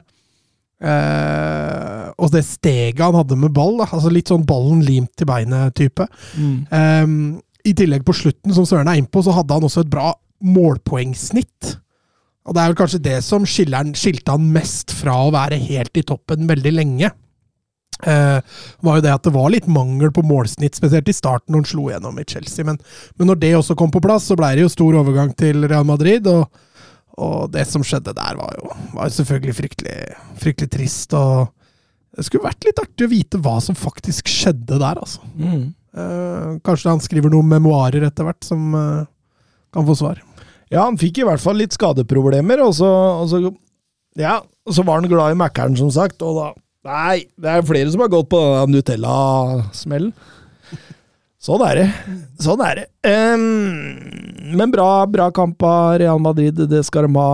Um, syns de, de De lever litt fra hånd til munn nå, men gjør gjør det veldig bra. så så, så det, det, det, det er imponerende. Um, Sevilla Rayo Vallecano 2-2. Det endte med at Mendelibar måtte gå, og som August Landstad skriver, Mendelibar kom, vant Europa League, beholdt plassen og måtte gå. Ja, eh, jeg stussa litt over det. Eh, selvfølgelig, Sevilla har ikke fått en god start, verken poengmessig eller spillmessig i, i La Liga. og hvis man ikke har troa på treneren, så er det jo greit å gjøre det først som sist, istedenfor å sitte og vente på at det skal gå enten enda dårligere, eller, eller om han skal redde det. Men, men det er som du sier, altså, han, han, han har ikke rukket å gjøre det så dårlig ennå at han kommer jo til å bli huska positive ordlag. Mm. han, han kom inn, redda plassen, vant Europa League, og så gikk det fem kamper, og så får han fyken. så det er, det, er, det er en litt merkelig håndtering av den situasjonen. Ja, og så er jo etterfølgeren allerede klei. Det blir jo eh, Diego Alonso. Eh, og jeg husker jo eh, Husker jo at det gikk så voldsomt bra med ham i Uruguay heller. Og så har han jo ikke noe erfaring fra trenerjobber fra store europeiske liga, så jeg, er litt spent og altså, Nå kan jeg ikke uttale meg for mye om ham som klubbtrener, Uh, men Jeg kjenner ikke så godt til han. Nei, men uh, jeg må innrømme at jeg er litt skeptisk. Men, men, men, ja. Men, men man er jo skeptisk på alt som har med Sevilla å gjøre. Altså, jeg, jeg sa det under Loppetegi i den siste perioden der. Jeg sa det om Sampaioli. Jeg sa det under Mendelebar. Forventningene rundt Sevilla er høyere enn kvaliteten på troppen. Det er ekstremt vanskelig for en manager å lykke med de rammevilkårene som man, finner der. Det finnes tre måter å lykkes på, da. Og det er at man får nok penger til å kunne forsterke stallen vesentlig, og det finnes jo ikke. Nei. Eh, eller så må man jo overprestere noe voldsomt, noe Mendilibar faktisk gjorde i Europa, men det holdt heller ikke. Eller så må man senke forventningene og krava, og det tror jeg heller ikke blir gjort. Så dette her er jo en av de verste managerjobbene man kan ha i, i, i Europa, tror jeg. Sånn rent sportslig, ja. Ja. Vi er ikke på Marseille-nivå. Nei, nei, Nei, det, det blir ikke så voldsomt, men, Nei, men, men uh, man har jo hatt suksess i La Liga med søramerikanske trenere tidligere, Uh, både i Sevilla og i videre, så man er ikke fremmede for å se den veien i, i Spania. Eh, det er litt sånn som Søren er innpå, da, fortsatt litt uprøvd. Eh, kjenner faktisk ikke så godt til taktiske stil hans heller, Skal bli spennende å følge. og, og, og her, eh, mot Rayo, så henter de jo faktisk opp 0-2. Sevilla altså, produserer ganske mye i den kampen her, altså. Eh, Rayo får en veldig god start, der den presser Sevilla ganske langt tilbake, og får etter hvert en, en, en litt heldig scoring der, eh, etter en retur av en, av en dødball. Eh, og så begynner Sevilla sakte, men sikkert å spise seg inn i det, og så får de en ny knekk når de slipper inn 2-0. Og, og tar det inn til pause der, og så, og så maler jo Sevilla sakte, men sikkert over dem. Og så med en strålende scoring og forarbeid på, på 1-2 der, og så brenner Rafa Mir en ellevill sjanse tre minutter på overtid, og da tenker du nei, Da går ikke det. Og så Enesiri på dødball. Da er vel ti sekunder igjen av overtektstida der. Før, Til og med Nyland er oppe der. Ja. Ja, han er ikke langt unna helt ned. Så Og det var litt artig. Det blir spennende å se hva som skjer med Nyland også. Han har liksom akkurat Ja. funnet seg en klubb og få Ja. spille, og så kommer en ny trener inn, og så er det Den, rett på den kan jo fort bli Ja, kan For det, fort det er bli ofte et trekk Ja. nye trenere gjør. Bytte, det er Bytte keeper. Det er er to som er litt sånn noenlunde jevngode Ja, ja. og konkurrerer mot hverandre. Ja. For det, er, ja, det kan ikke lastes for noen av måla her, så Nei, jeg kan, kunne vel ikke lastes for egentlig noen av sluppet inn, syns jeg. Nei. I hvert fall ikke La Liga. Nei, det er bare Ramos som kunne det. Eh, Vi får, vi får over til Atletico Madrid mot Real Sociedad. Rundens toppkamp i La Liga, kunne man vel si med god kredibilitet i behold. Eh, høyt tempo fra start her. Eh, ja, Sociedad står høyt.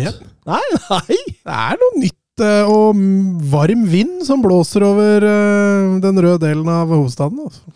Ja, ja, absolutt. Eh, Real Sociedad står høyt på Atletico, men jeg syns Atletico løser det godt når de slår lenger. Altså, De må ikke på død og liv spille seg ut, sånn som f.eks. Brighton eh, får, eh, får eh, kjenne på i helga. De, de, de, den risikoen tar de sjeldent, og, og, og selv om Real Sociedad har mye ball der, så du, du ser det ikke bekymre Diego Simione nevneverdig. Ligger balansert, ligger og hugger og venter på brudd, og, og det bruddet, det, det, det kommer jo, det. Ja da, Samuel Lino der, som altså Igjen så står jo Sociedad ganske høyt med fireren når Atletico kontrollerer ballen.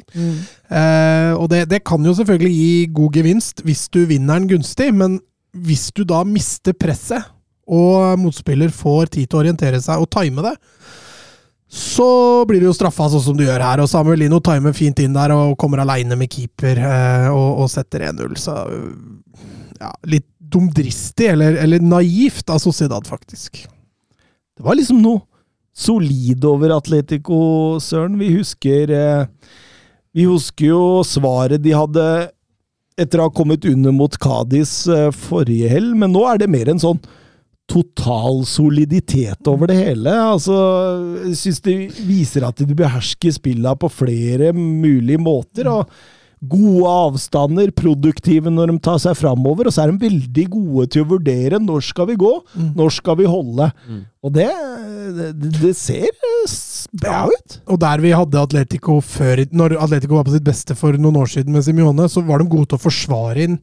Nå angriper de mer for å forsvare, da. Så de bruker ballen til å forsvare seg. og Det, det er litt sånn nytt man har sett fra, fra Simione. Vi har tenkt det før òg, at det- oi, det skal bli gøy å se Atletico angripe framover, og så plutselig detter de tilbake igjen i løpet av kort tid. Så. Men nå har de vært ganske stabilt på, på den type fotball de siste tre-fire kampene. Så det skal bli spennende å se om de, fortsetter, for dette gir jo åpenbart eh, frukter. Ja, absolutt. Eh, Det skal sies at det blir straffa med mye rom. Når Jarzabal setter 1-1 der, da, da er det ordentlig tellefeil og, og dårlige avstander. Så det er ikke helt knirkefritt heller. Det er jo veldig uvanlig Ja. Atletico å se dem på 1-0 eh, slippe til de romma, men eh, de drar i land med, med en straffeskåring av Grismann rett før slutt og vinner 2-1. Men det er noe her jeg syns vi må hylle. Eh, noe som vi ser sjeldent i dagens fotball. Eh, var kalde dommer på skjerm. Sett en hens på Morata inne i feltet der. Eh, ballen subber fingertuppene på den. Det er så vidt han skifter retning en gang. Det har nesten ingenting å si. Dommeren ut på skjerm, ser situasjonen, sier nei. Jeg er ikke enig. Jeg syns det ikke er straffespark. Det er så deilig å se på!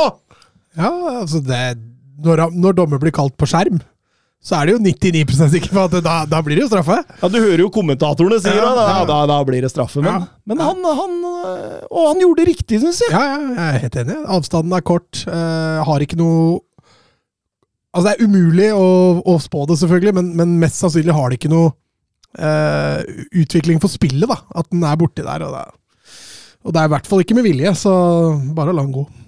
Hylles, hylles, hylles! I eh, stor, stor Sjelden man gjør det om dommere i Spania, men, eh, Ja, bra. men dette da må bra. vi ta det når det fins. Det var gøy. Granada, Barcelona eh, blei fillerista av Brian Saragossa den første halvtimen der. Eh, Fredrik Stjerna lurer på eh, hvorfor så han plutselig ut som en Ballon d'Or-kandidat?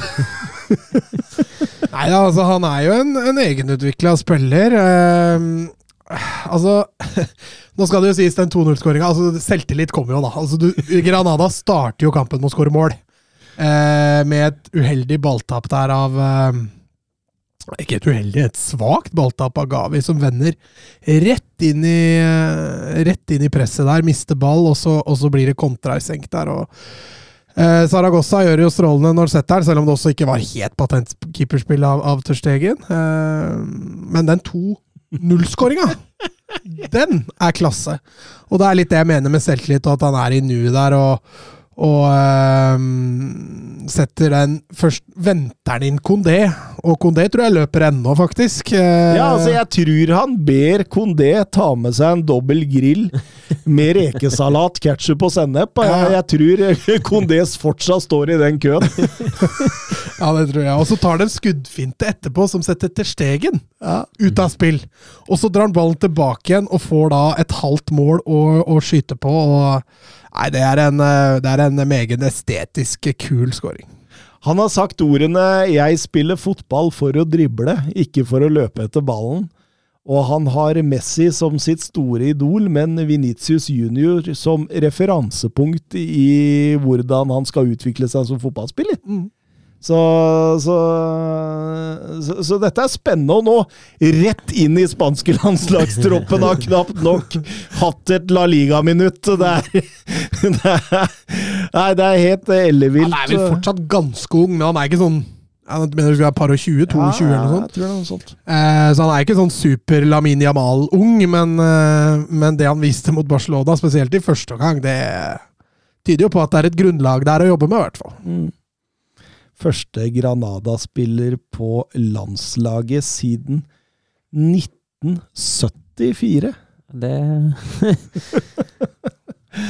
nei, en kul, eh, kul spiller, og han, eh, han eh, fillerister eh, eh, Barcelona. mm, Han, han gjør det. Eh, veldig artig. Eh, Det var også kult å se Manchester United-talentet Alvaro Fernandes på, på sida der. Jeg tror ikke han hadde stått noe tilbake for Lindeløf sitt eh, venstreback-spill, for å være helt ærlig. Nei da, for all del. Eh, han var, hadde god i hvert fall periodevis god kontroll på Lamin Jamal, i hvert fall. selv om han ikke ble utfordra hele tida.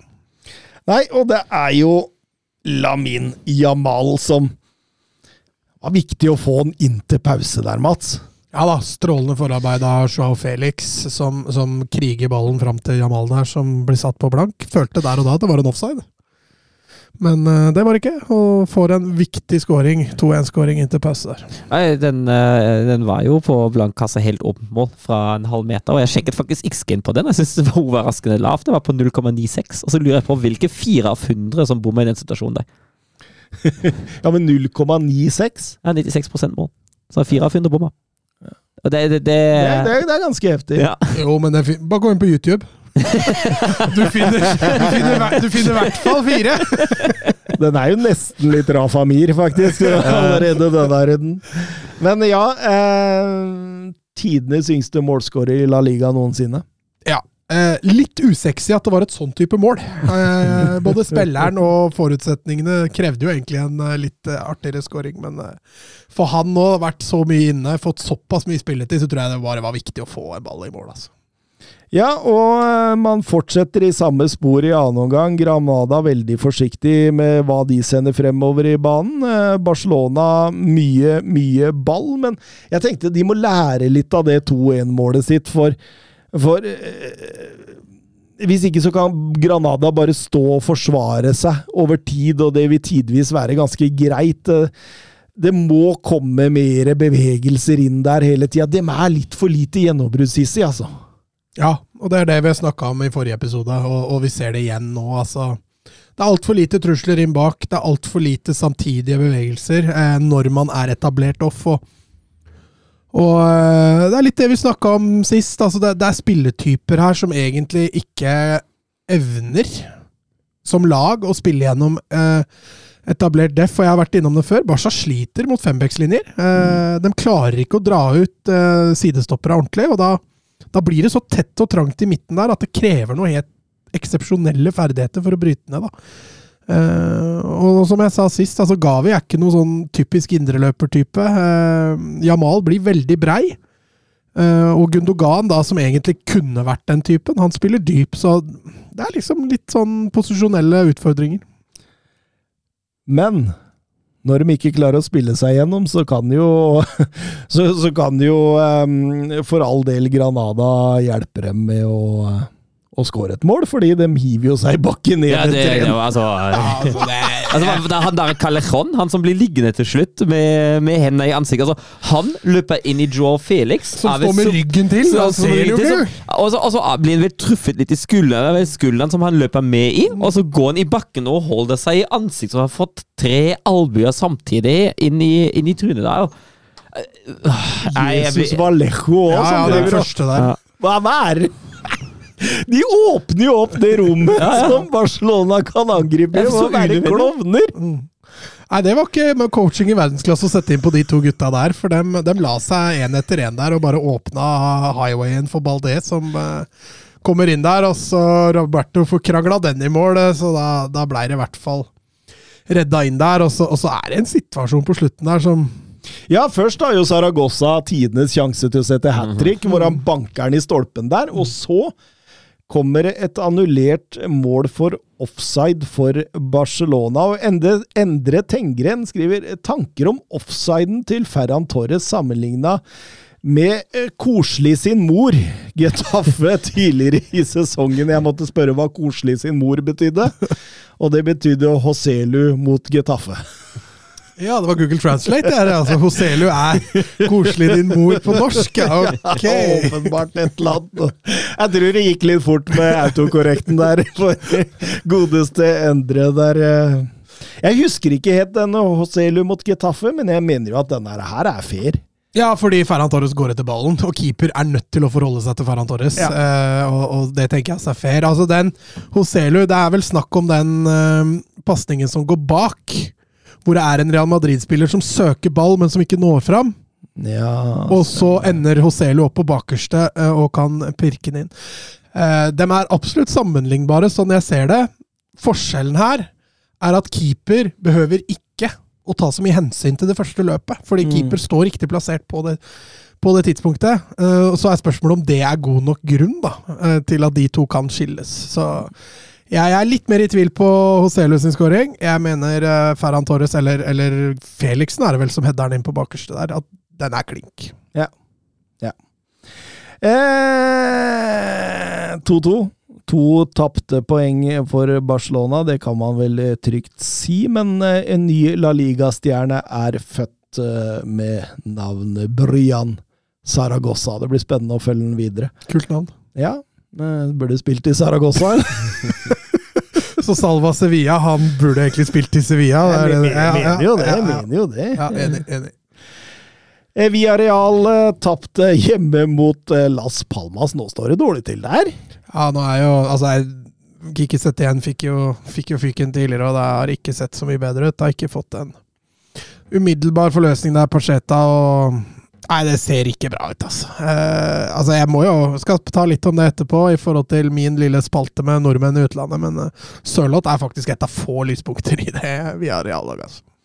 Ja, du fikk et, egentlig et spørsmål der, men da kan vi vente med den til uh, europahjørnet, da. Vi kan gjøre det. Ja, vi kan gjøre det. Eh, så nevner vi også at Alaves spilte 1-1 mot Betis. Disse antatte Europa League, Champions League-kandidatene, de avgir poeng som kjerringa mot strømmen, søren. Det er ikke noe Det er ikke noe Altså, det er vanskelig å forstå det som skjer.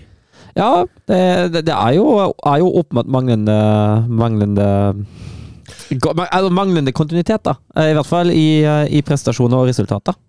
Og så er det avstanden da, mellom lag nummer 6 i La Liga og lag nummer 14 da, er mindre enn avstanden er mellom lag nummer 6 i flere andre ligaer.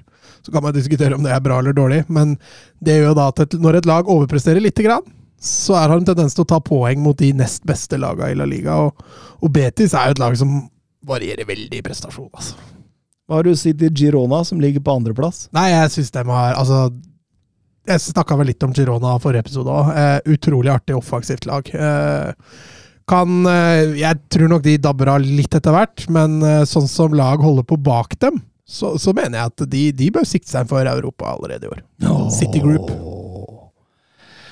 Søren Døpker. Ja, are you ready?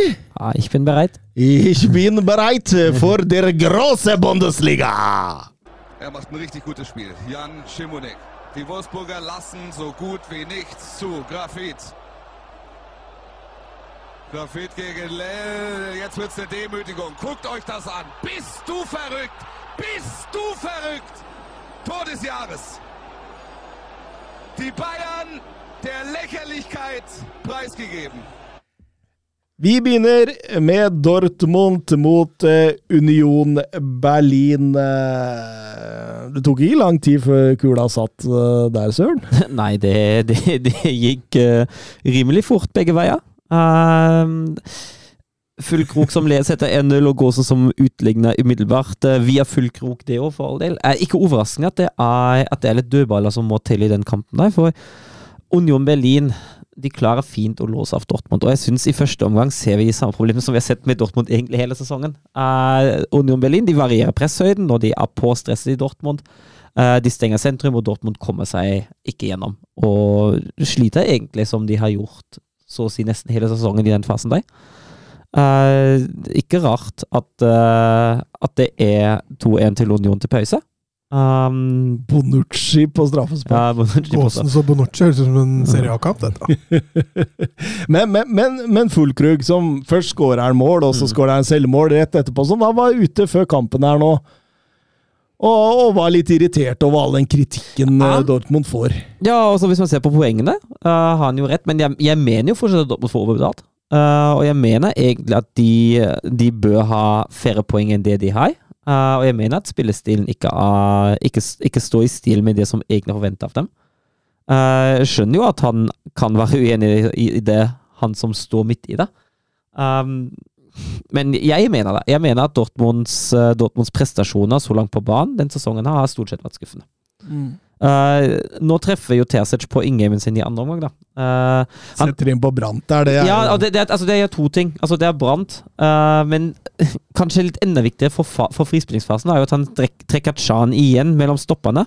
Og det er et trekk som han har prøvd uh, ofte, uh, men som ikke har fungert i det hele tatt. Varierende hell, ja. Ja, men akkurat da fungerer det, fordi han, eh, han klarer på en måte å finne rommet mellom toppresset til Union. Plutselig er det tre mot to, plutselig åpner seg rom. Du ser det på, på 2-2 når Slåttebekk plutselig kommer opp, og plutselig får stoppende muligheten til å gå opp. Uh, og plutselig får de overtall sentralt i banen.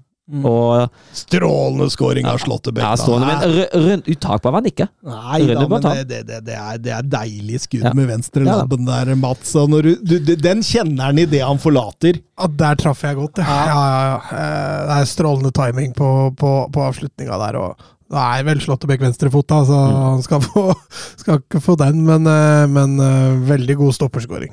Ja, og så og så er det det du er inne på med Brant, da, Thomas, når de først får overtall i frispilling sentralt. da. Eh, og Brant, Brant, får så mye rom sentralt, så, så klarer han å rive kampen til seg og, og være litt i hjertet i Dortmunds offensive spill seinere. andre omgang til Dortmund er jo ganske bra. Ja, det syns jeg òg. Da, er man, da er man litt tilbake til, til de gamle styrkene sine. Eh, så til syvende og sist vinner de fortjent den kampen der. Blir 4-2 Ryerson. men- Ryerson? Ja, ja. Storskårer. Snart toppskårer. han. Banker til, vet du! Banker til! Han har vel en retningsforandring i Ja, ja, Gåsens ja, han, der, er nok, eh, han har nok litt helle med seg, men uh... men det var litt sånn kokoskamp uh, til slutt der, fordi eh, Union måtte angripe, og, og angrepet til Union det blei um, overlappa et nytt angrep fra Dortmund, så det var det, det, det, veldig underholdende. Altså, jeg kosa meg virkelig. Um, eh, Det er sikkert litt godt for TCG at han treffer med in game. For jeg syns, altså, han var god på det forrige sesong, og han har ikke vært heldig med in gamen sin denne sesongen så langt. Men uh, mot Union så treffer han. Jeg tror ikke tapet av Bellingham At de ikke har klart den. Altså, Jo, da, jo. da sier jeg å erstatte Bellingham er jo umulig, men, Nei, men det, altså, men tapet har vært større enn det det burde vært. da. Ja, jeg er helt enig. Uh, og så har man jo prøvd seg på å erstatte med både Nemecha og Savica. Mm. Og jeg mener jo at det er feilslått.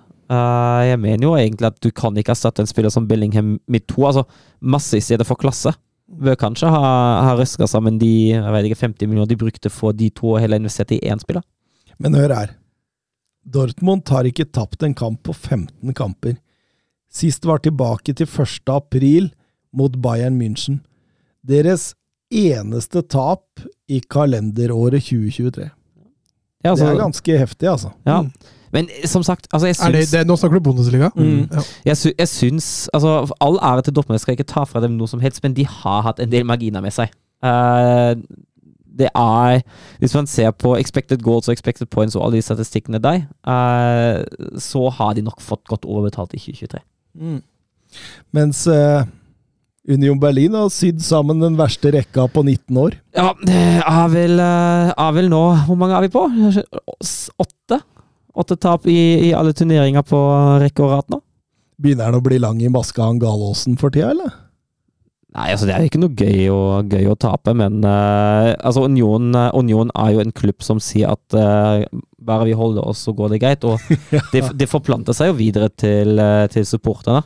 Uh, så jeg, jeg forventer Altså, jeg har ikke inntrykk av at noen rundt Union forventer at man blir topp fire igjen i år. Jeg tenker jo at ut ifra som jeg oppfatter det, så er Union Berlin-fansen, om noen norske eller tyske, veldig fornøyde med at man bare spiller en helt OK sesong og ligger midt på.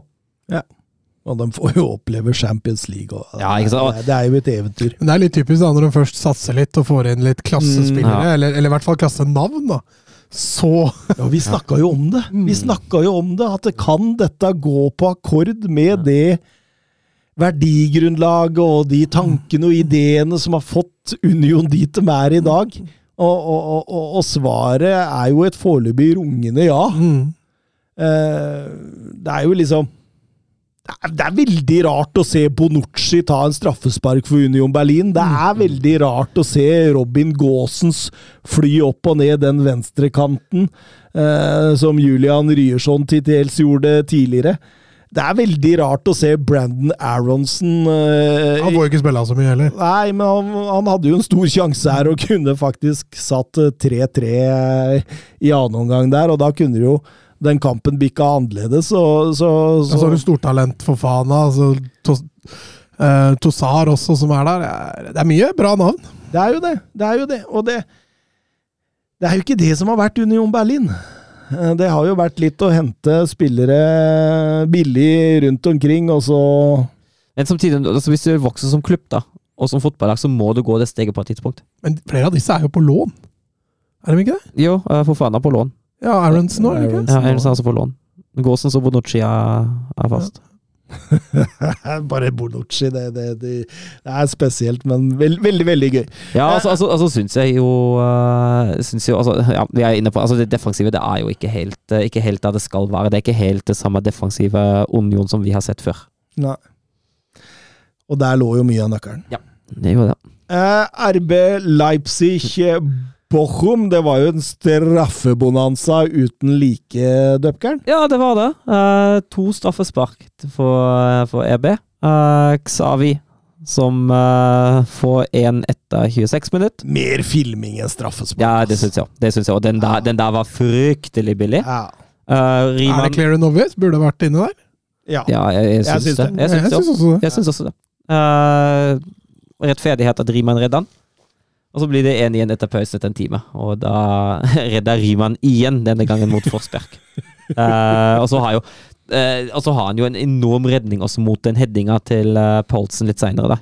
Uh, og for RB Altså, Borum har jo slitt litt, og Borum, står godt defensivt Borum Altså. står godt defensivt. Det er jo det er én matchplan der. og Asano er jo, er jo innimellom opp, farlig framme på, på overganger, men RB altså nå, Vi har jo skutt mye av dem, og, og til rette. Eller med rette. Men uh, den kampen der syns jeg er litt tilbake til gamle synder fra forrige sesong. Men for man klarer ikke helt å bryte ned uh, det etablerte forsvaret sjøl. Men det er vanskelig, de ligger dypt for all del.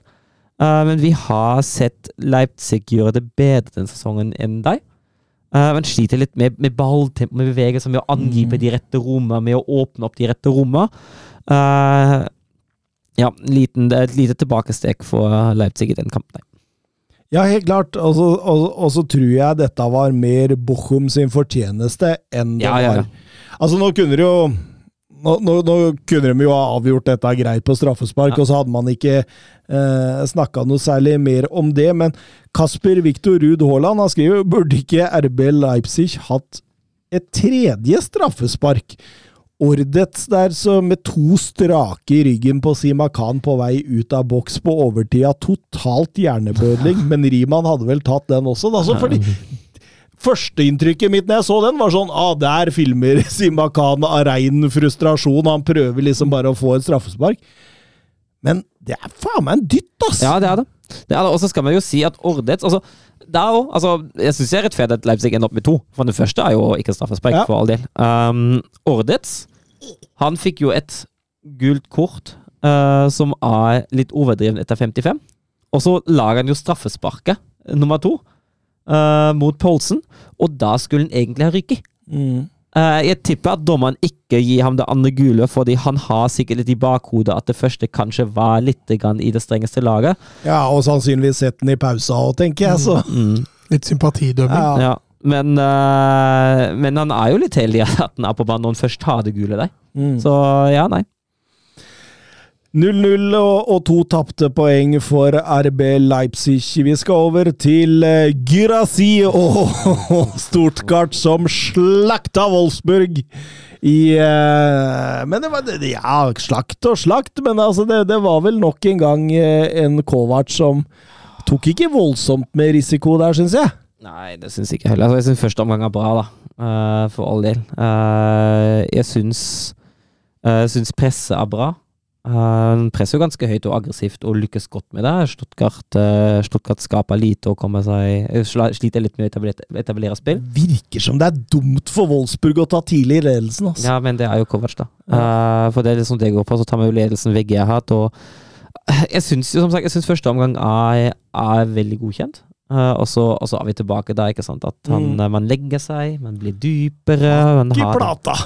ja, men, og det er hver eneste kamp nå, og jeg blir så lei av det der. Og det der med en alt annet viser hvorfor Kovac staker syvendeplass. Mm. Uh, med den mentaliteten at nå skal han forsvare seg, nå skal han forsvare innledelsen der, da kommer han ingen vei. Uh, det neste er jo at uh, Hønes han går jo over til en, uh, fra en 4-2-3-1 til en 3-4-1-2 etter en time, Mm. og da, da er Kovac ute. Kovac makter ikke å reagere på taktiske in game-forandringer. Og der blir det, der blir det 3-1. Nei, det, det er så frustrerende at man gang på gang på gang inviterer en motstander inn på kamp, og så, og så snakker han jo om ja, laget så sliten ut og bla, bla, bla. Og ja, kanskje så de sliten ut, men det er noe med den mentaliteten. At du går og skal legge deg og forsvare deg. Og da, ser, det, da ser det tyngre ut, for hvor skal du få energien fra når du bare tar imot, tar imot, tar imot, og legger såpass om etter å ha pressa såpass godt og bra. Og, det, skurrer. Eh, ligger vel nå på syvendeplass, og akkurat da vi hører hjemme med, med Niko Kovac som trener, så det er så frustrerende. Men Jakob Hoff spør eh, når skal Girashi-toget nå endestasjonen? Han har nå 13 mål og 1 assist på 7 kamper. Det er to målpoeng i snitt per kamp, Mats. Skal ikke dette ta slutt? Jo da, og det gjør det.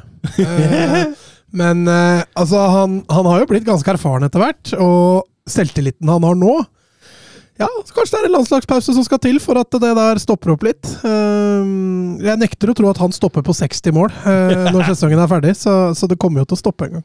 Ja, altså, altså jeg, jeg trodde jo at når han ikke skåra mot Köln forrige helg, så tenkte jeg at nei, vi er, ah, begynner vi å bli på vei nedover, så setter han, eh, setter han tre nå forrige helg igjen, da. Eh, så det gjør åpenbart ikke noe at han ikke skårer én kamp innimellom heller. Men eh, jeg er helt enig med at altså, det, var han nok ikke ut sesongen, nei. Men eh, han har, han har gode tall fra forrige sesong òg, altså. Da skårer han 11 på 22, så han har utvikla seg godt i Stuttgart nå den siste tida. Ja, altså, i alle turneringer i Stuttgart så har han faktisk 28 mål på 36 kamper over ett år og tre måneder. Ja, og vi, vi skal ikke glemme at Stuttgart i forrige sesong i store store deler av sesongen var en dumpekandidat. Ja, Det var, det var et bunnlag. Kanskje endestasjonen skjer i januar når Todd Boyle henter den for 50? Ja. ja, der Jo, jo, kanskje det er en interessant uh, vintersignering for uh... Ja, altså, altså er det jo spørsmål om man definerer som endestasjon. Jeg tror ikke at Girasi kommer til å, til å slutte helt å skåre mål. Uh, men altså, det fortsetter jo neppe i det tempoet her. Det, Nei, vi vi, vi snakka jo litt om det, Søren, før vi gikk på sending her, at det, eh, jeg husker han jo fra League Ø som en liksom mer sånn der bakromspiss Mm. som kom i bakrom hele tida, men, men, i denne, men i denne kampen her så er det jo Altså, det er, han møter, Ja, han stikker, han holder på ball, han er eh, Han har et repertoar da, som Mm. er ganske solid. Ja. Han fremstår komplett. Ja, har utvikla seg veldig godt, uh, særlig under Sebastian Hunes i Stuttgart også. Uh, og så passer han, vi har jo vært inne på det, han passer veldig veldig godt i, i systemet som Hunes har satt. Ingen tvil om det. Vi skal over til et lag som eh, hadde en svak eh, midtuke mot København, men som fant seg sjøl litt igjen i hjemmemøte med Freiburg, fordi eh, dette var Her, her kom man jo ut og bare trykke Freiburg bakover fra første stund av. Ja, har det ingen tvil hvem som var sjef i ringen. Eh, godt hjulpet av Freiburgs passive 4-4-2. Eh, åpne- store mellomrom åpne store Hva var det? Jeg bare hører på hva Han har jo nettopp hørt bakrom, og nå sier du ringen, ikke sant? Så, så han sitter jo Du sa han liker å komme i bakrommet, og så kommer han han liker å Nei, han er sjefen i ringen! Så, nei, tankene bare Så ser jeg jo han sitter og flirer Jeg prøver jo ikke, jeg prøver å gjemme meg. når du er sjefen i ringen. Da. Sjefen i ringen. Nei, men eh, Bayern, Bayern styrer alt. Kimmich, eh, Kimmich tilbake i sin eh, gode, gamle quarterback-rolle der.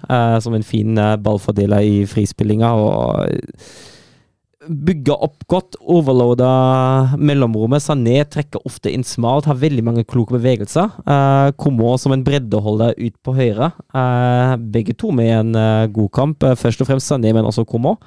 Uh, og nå Komos innlegg går over Atobolo. Eh, etter tolv minutter så er det bare én vei det går, altså. Sané eller Kané slår til igjen og, og setter 2-0 etter 24. og da da, da tenkte jeg, Mats, at eh, dette kan bli 6-0, 7-0, 8-0. fordi det, det, Der var det åpent, men det er en Christian Streich som driver Ja, skadebegrensning. Ja, brannslokking i den andre omgangen, og, og bare snører igjen der og tenker at eh, 2-0 er langt bedre enn 6-0. Ja. Ja, han trekker jo altså Høla som starter på spiss, han går jo inn inn på sentral midtbane etter at Røhl ikke klarer å, å tette noe som helst. Uh, og Bayern Bayern, trekk, altså Bayern går, jo ned noen hakk òg, da. Altså, det er ikke sånn, altså de, de fortsetter ikke med i samme tempo som før. De vet at det kommer flere kamper. Ja, det er helt riktig. Eh,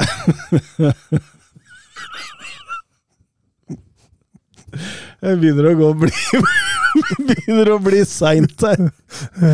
Nå var det å tett igjen. Eh, ah. Ja, men uh, Jeg falt litt ut her.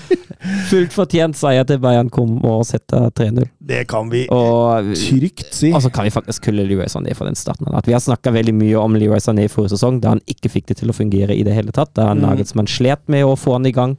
Uh, da, da han så ut som en spiller helt uten form og selvtillit, og nå er det stikk motsatte. Det Leroy Sané har levert så langt, uh, ofte i godt samspill med, med Harry Kane, eh, det har vært enormt. Det er dribleferdigheter, han skaper ting, det er den farten han har. Men han har, jeg syns også han har blitt mye bedre til å se rom, til å bevege seg riktig. Til å angripe de riktige rommene. Eh, sikkert godt hjulpet av Thomas Tuchel. Mm. Ja, og det, det målet han har annullert der Ja, han synd at det blir annullert, altså. Åh. Rundlurer Røl der. eh, Det er så ydmykende. En rask retningsskifte der med luke, pølse og brød, god dag, og banker den i lengste der. Det er, det er så klasse! Ja.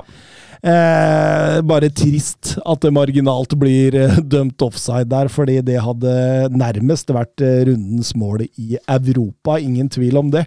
Eh, vi må snakke litt Leverkosen nå. Eh, det var vel et Derby, så vidt jeg vet. Eh, kokte godt i dagene før kamp, så jeg da. Leverkosen hadde vel lagt et eller annet ut på media om at eh, hvis du liker en Ja, Erikstrid ja, det var, det var mot, mot Hekken da de prøvde i første Europaliga-kamp for faktisk eh, to og en halv uke siden. Så la, begynte de å legge ut hvis du, hvis du liker eh, fin fotball, hvis du liker Europa, hvis du liker Xabi Alonso og alt det der, så må du komme på stadion. Hvis du liker en Eriksstrid, da er du Köln-supporter. Og eh, Köln-leiren fyrte jo godt tilbake. Baumgart snakket om at uansett hvor de spiller og hvor mye de er i Europa, vi er den største klubben i regionen eh, når vi er vått. Eh, og Köln la ut på Twitter med en pressekonferanse med Baumgart med et hint at det fins fortsatt billetter til i kveld. I Leverkosens kamp, da. Uh, og så la de ut i pausen, da, uh, eller seinere, et bilde av tribunen i Leverkosen, uh, der det var mange tomme seter, og skrev at ja, til tross for vår hjelp, det ble ikke utsolgt. Nei, og tross at Køllen faktisk møtte opp, så blei det Altså, det kan da diskuteres. For det, det var jo altså, det var enveiskjøring. De ble jo så til de grader rundspilt av Leverkosen, det. Ja. Og det er altså Det ender 3-0. Det kunne gjerne vært 4-5-6, altså. Uh, Svebe i uh, Kölns mål, han har jo en, han har jo en, en fantastisk kamp. Ja, absolutt. Og, og Boniface, han gjør det igjen, Mats. Leverkosten nå, altså det er litt sånn følte Napoli litt i fjor. Altså Nå må du følge litt med på Leverkosen, for det er utrolig underholdende å se på, med masse kvalitet. Og som du er inne på, Boniface, han er jo Han er nesten ikke til å kjenne igjen fra tida når han var i Glimt. Så mye har han utvikla seg. Før vi gikk på lufta her, så sjekka jeg hvilke lag i topp fem-ligaene er fortsatt ubeseira. Ja, Leverkosen er jo blant dem. Ja, Ja, det er tre i Tyskland, er Ja, ikke det? Dortmund og Bayern. Bayern, Dortmund ja. ja Veit dere hvor mange ellers? Uh, Barca er vel fortsatt ubeseira? Uh, nei. Er de det? Eh, To sekunder. Skal jeg vinne her. jo, Barca er ubeseira. Barca er ubeseira, ja. Så eh, da, da er det faktisk seks lag, da. For jeg, den fikk ikke jeg med meg. er Inter fortsatt ubeseira? Mm, nei. Ingen i Italia. Nei, det er, men Jo, det er jo selvfølgelig Tottenham og Arsenal. Ja. ja. Tottenham, Arsenal, Barcelona da, og tre tyske. Ja. Sterkt av uh, Alonso, ingen tvil om det. Jørgen Knutsen spør hvem tar over Augsburg etter uh, Enrico Mas. Ja, han, eh, han røyk jo nå. Uh, Det var jo på høy, høy tid egentlig for den eh, Augsburg. Ja, han har vunnet to av de siste 19 kamper. Eh, og det er jo, eh, det er jo litt lite. Um, det ryktes flere navn. Det ryktes, eh, det ryktes blant annet eh, Stefan Kunz, tidligere landslagstrener i Tyrkia. Men eh, han som, som ser an til å, til å ligge best an, da, det er André Breitenreiter. Fordi uh, Jorendic, som nå er sportsdi sportsdirektør i Augsburg, han kjenner han godt fra Zürich. Breitenreiter var i Bundesliga i fjor, som trener for Hoffenheim, og det gikk jo det gikk jo ikke særlig bra. Eh, jeg personlig er veldig skeptisk til om uh, Breitenreiter klarer å, og berge skuta i Augsburg. Og, altså det er jo også en klubb kan sitte og snakke lenge om Augsburg, men det er en klubb som sakte, men sikkert har bygd seg ganske kraftig ned i år, eh, de Mm. siste åra. Um, så vi får se. Det kan, finne, det kan hende at de finner igjen tre lag som er dårligere enn dem, og at de klarer seg, men uh, det er ikke god klubbdrift altså. Helt eh, klart ikke. Vi må over til Serie A. era il marcatore di Cannavaro. Palla tagliata, messa fuori, c'è Pirlo, Pirlo, Pirlo, ancora Pirlo di tacco, tiro, gol! Grosso, grosso, gol! Gol di Grosso, gol! Vi eh, begynner vår rundtur i Serie A med Inter mot eh, Bologna, og det var et Inter-lag som tok ledelsen tidlig, 2-0 der.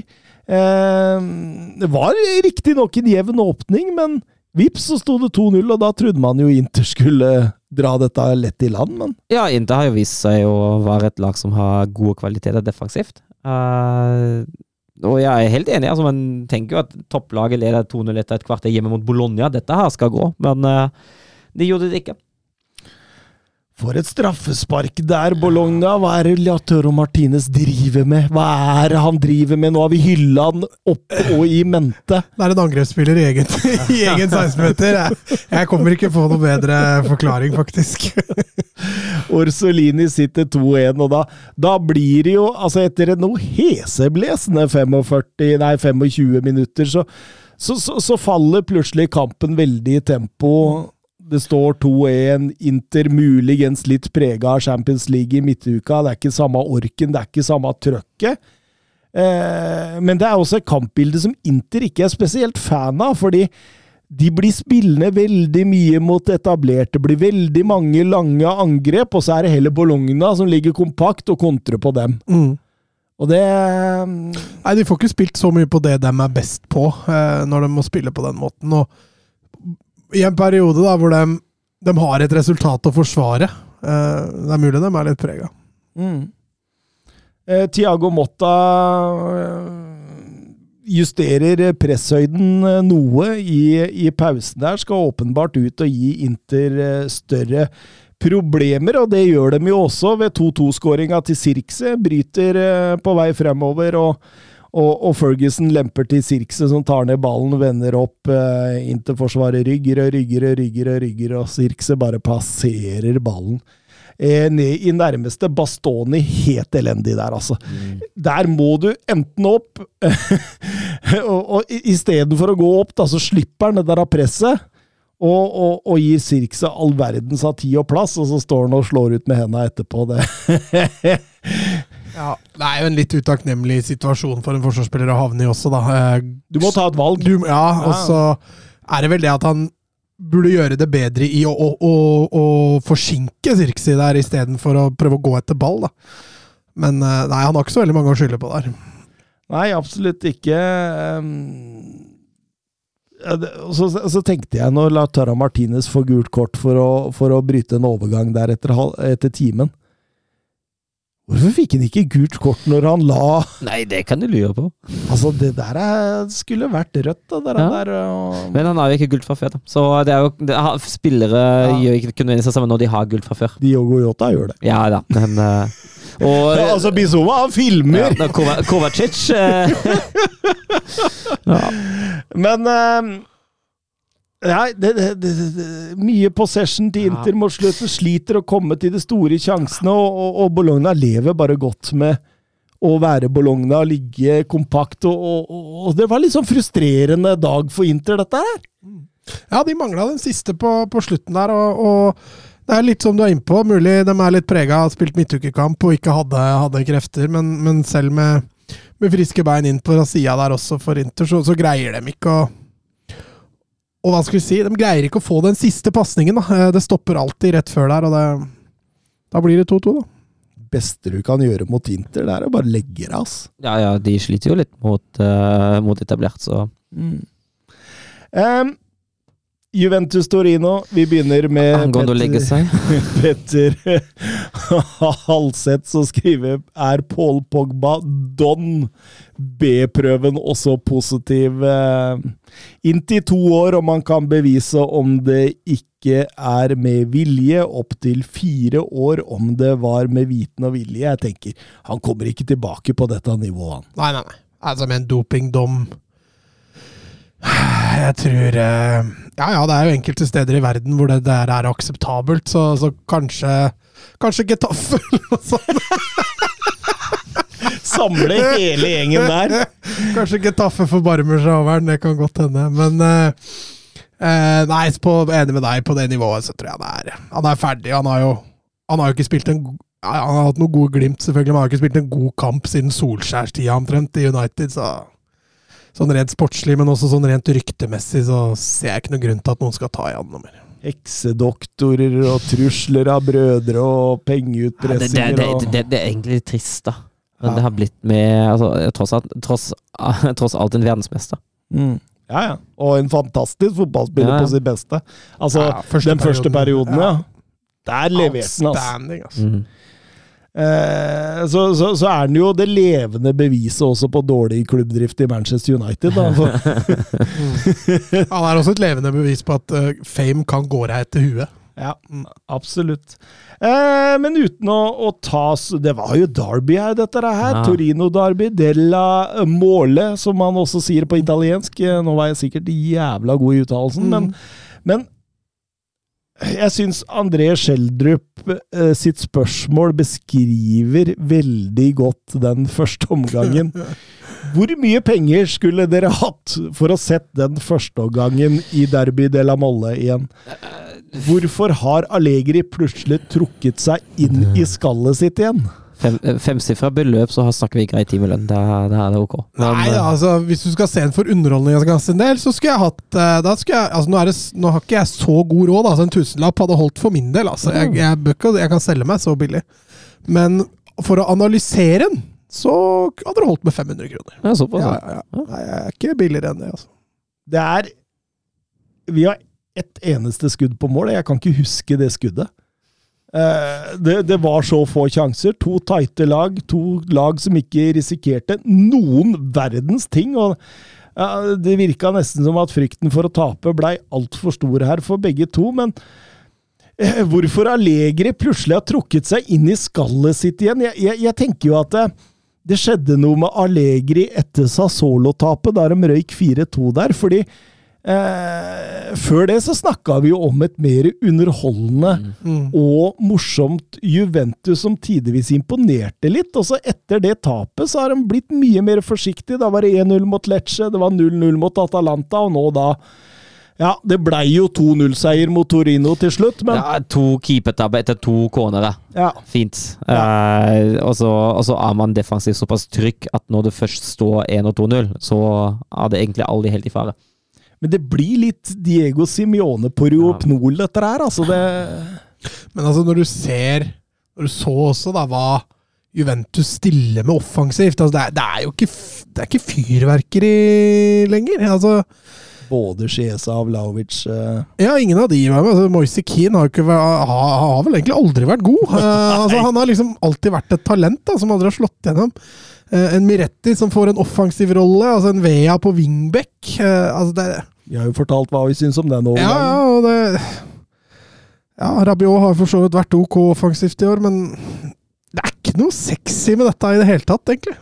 Nei, og nå veit man jo at uh, finansielle situasjonen fortsatt er knallhard. Det er ingen Europa. Det er Pogba ute over tid der. Man sliter med skader. Allegri som igjen er tilbake til det defensive. Altså, det er blytungt, altså. Men samtidig, de ligger nå oppi der. Ja da, det gjør de jo. Bare, bare for et par 10-12 minuspoeng, og så er de nede igjen. Eh, Genoa, Milan det, var en, eh, en ambivalent fotballkamp, vil jeg kalle det. Jeg vet hva, jeg vil kalle det direkte kjedelig fram til 0-1. Eh, Det skyldes jo at Genoa Til 0-1 over 87. Ja, ja, ja. ja. Men det, det, det står jeg for. Eh, Genoa er jo, er jo interessert i én ting, og det er jo å holde Milan unna eget mål så godt det lar seg gjøre. Eh, og når Pulisic først får hull på byen, eh, da tar det seg til på overtid, altså. Mm. Ja, ja, altså det, Og det, det, jeg skjønner hvorfor eh, Søren eh, bruker de ordene, for det, var veldig lite som skjedde i boksene. Det var mye som skjedde mellom boksene. og Milan har mye ball. De sliter med å skape på Genoa. Genoa står godt. Eh, Malinowski, Frendrup og Torsby der ligger jo som et sånn skjold Mm. mot det forsvaret. Dragosin og De Winter eh, som stoppere vinner alltid sine dueller. og og, og, det, det er jo liksom først når, når, eh, når Pioli hiver inn på Giroud og går over til en slags sånn 4-4-2, eller kan man nesten kalle det en 4-2-4 der, hvor man får Leao og Pulisic på kantene og Jovic og, og Giroud fremme som en duo. Det er veldig sjelden man har sett Pioli spille med duoer på topp i, i, i nyere tid, men eh, Ganske fysisk duo òg. Mm. Ja, absolutt. Og da, da, da, da skjer det jo noe, og så kommer målet til Pulisic, men det er jo ikke det som er snakkisen her, Søren. Nei, det er jo Mike Manja som blir utvist med direkte rødt etter vei. Uh, Rammer kneet sitt utenfor boksen inn i motspillet. Ser greit ut med rødt kort for min del. Og så har jo Milan bytta fem ganger. Så da er det jo uh, Olivier Giroud som uh, tar på seg keeperhanskene og går i mål. Blir matchvinner. Og blir matchvinner. Men før han blir matchvinner, rekker jo også Genuas keeper Martine, som var oppe eh, ved en dødball, og prøver å takle. eh, før det kan bli kontring. Han rekker jo også å bli utvist med sitt andre gule der. Og jeg, jeg kan ærlig talt ikke huske å sist ha sett en kamp der begge keepere blir utvist, og attpåtil på overtid. Eh, lurer på hvor mange ganger det har skjedd. Og så er det jo ett minutt seinere at Giroud har jo en dobbeltredning, og berga da de tre poengene til eh, Milan. Hørte jeg spurte Pioli hvorfor det blei Giroud, og da sa han at sånn i utgangspunktet så var det Pulisic som skulle stå. Men uh, de fant ut at pga. duellstyrken i eh, i, eh, i, eh, i eh, Genoa så skulle eh, fysikken til Giroud gå foran, da. Og eh, Nei, det er jo bare å sette den i mål snart, er det ikke det? Ja, Han må vel stå neste match, for da får jo ikke Magna spilt. Så kan jo kanskje like greit bruke han. Da er det gøy å være reservekeeper, når treneren din bruker spissen isteden. Ja, Kane har jo stått i mål, han òg. Ja, da, Gikk ikke ja. så bra, det. men Nei, jeg husker det frisparket han slapp inn der. Da. Ja, det var vel i noe Europacup mot noe dårligere motstandere, tror jeg. Ja, stemmer. Um, Napoli-Fiorentina, det var vel Altså vi, vi, vi har vært innpå det. Eh, Napoli ser ikke helt ut som seg selv mer, men her var det, her det seig søle som møter et friskt eh, Fiorentina. Ja, og ha, altså, Den kampen er jo egentlig et levende bevis hvorfor Napoli har gått for feil trener. Og hvilken trener man kanskje bør ha gått for. Uh, for det sprudlende laget i den kampen, da, vi var jo inne på det, det er jo Fiorentina. Det er de som, eh, de som presser høyt, de som, eh, de som plager Napoli. eh, De som skaper sjanser. Napoli det, det, det er litt trist, egentlig, å se det. Eh, Når vi veit hva, hva det laget har levert forrige sesong, og hvilken forvandling det har vært, og hvilken forandring. Og så ser man, Mats, at det er sånne perioder hvor Napoli kommer opp på det Spalletti-nivået fra i fjor.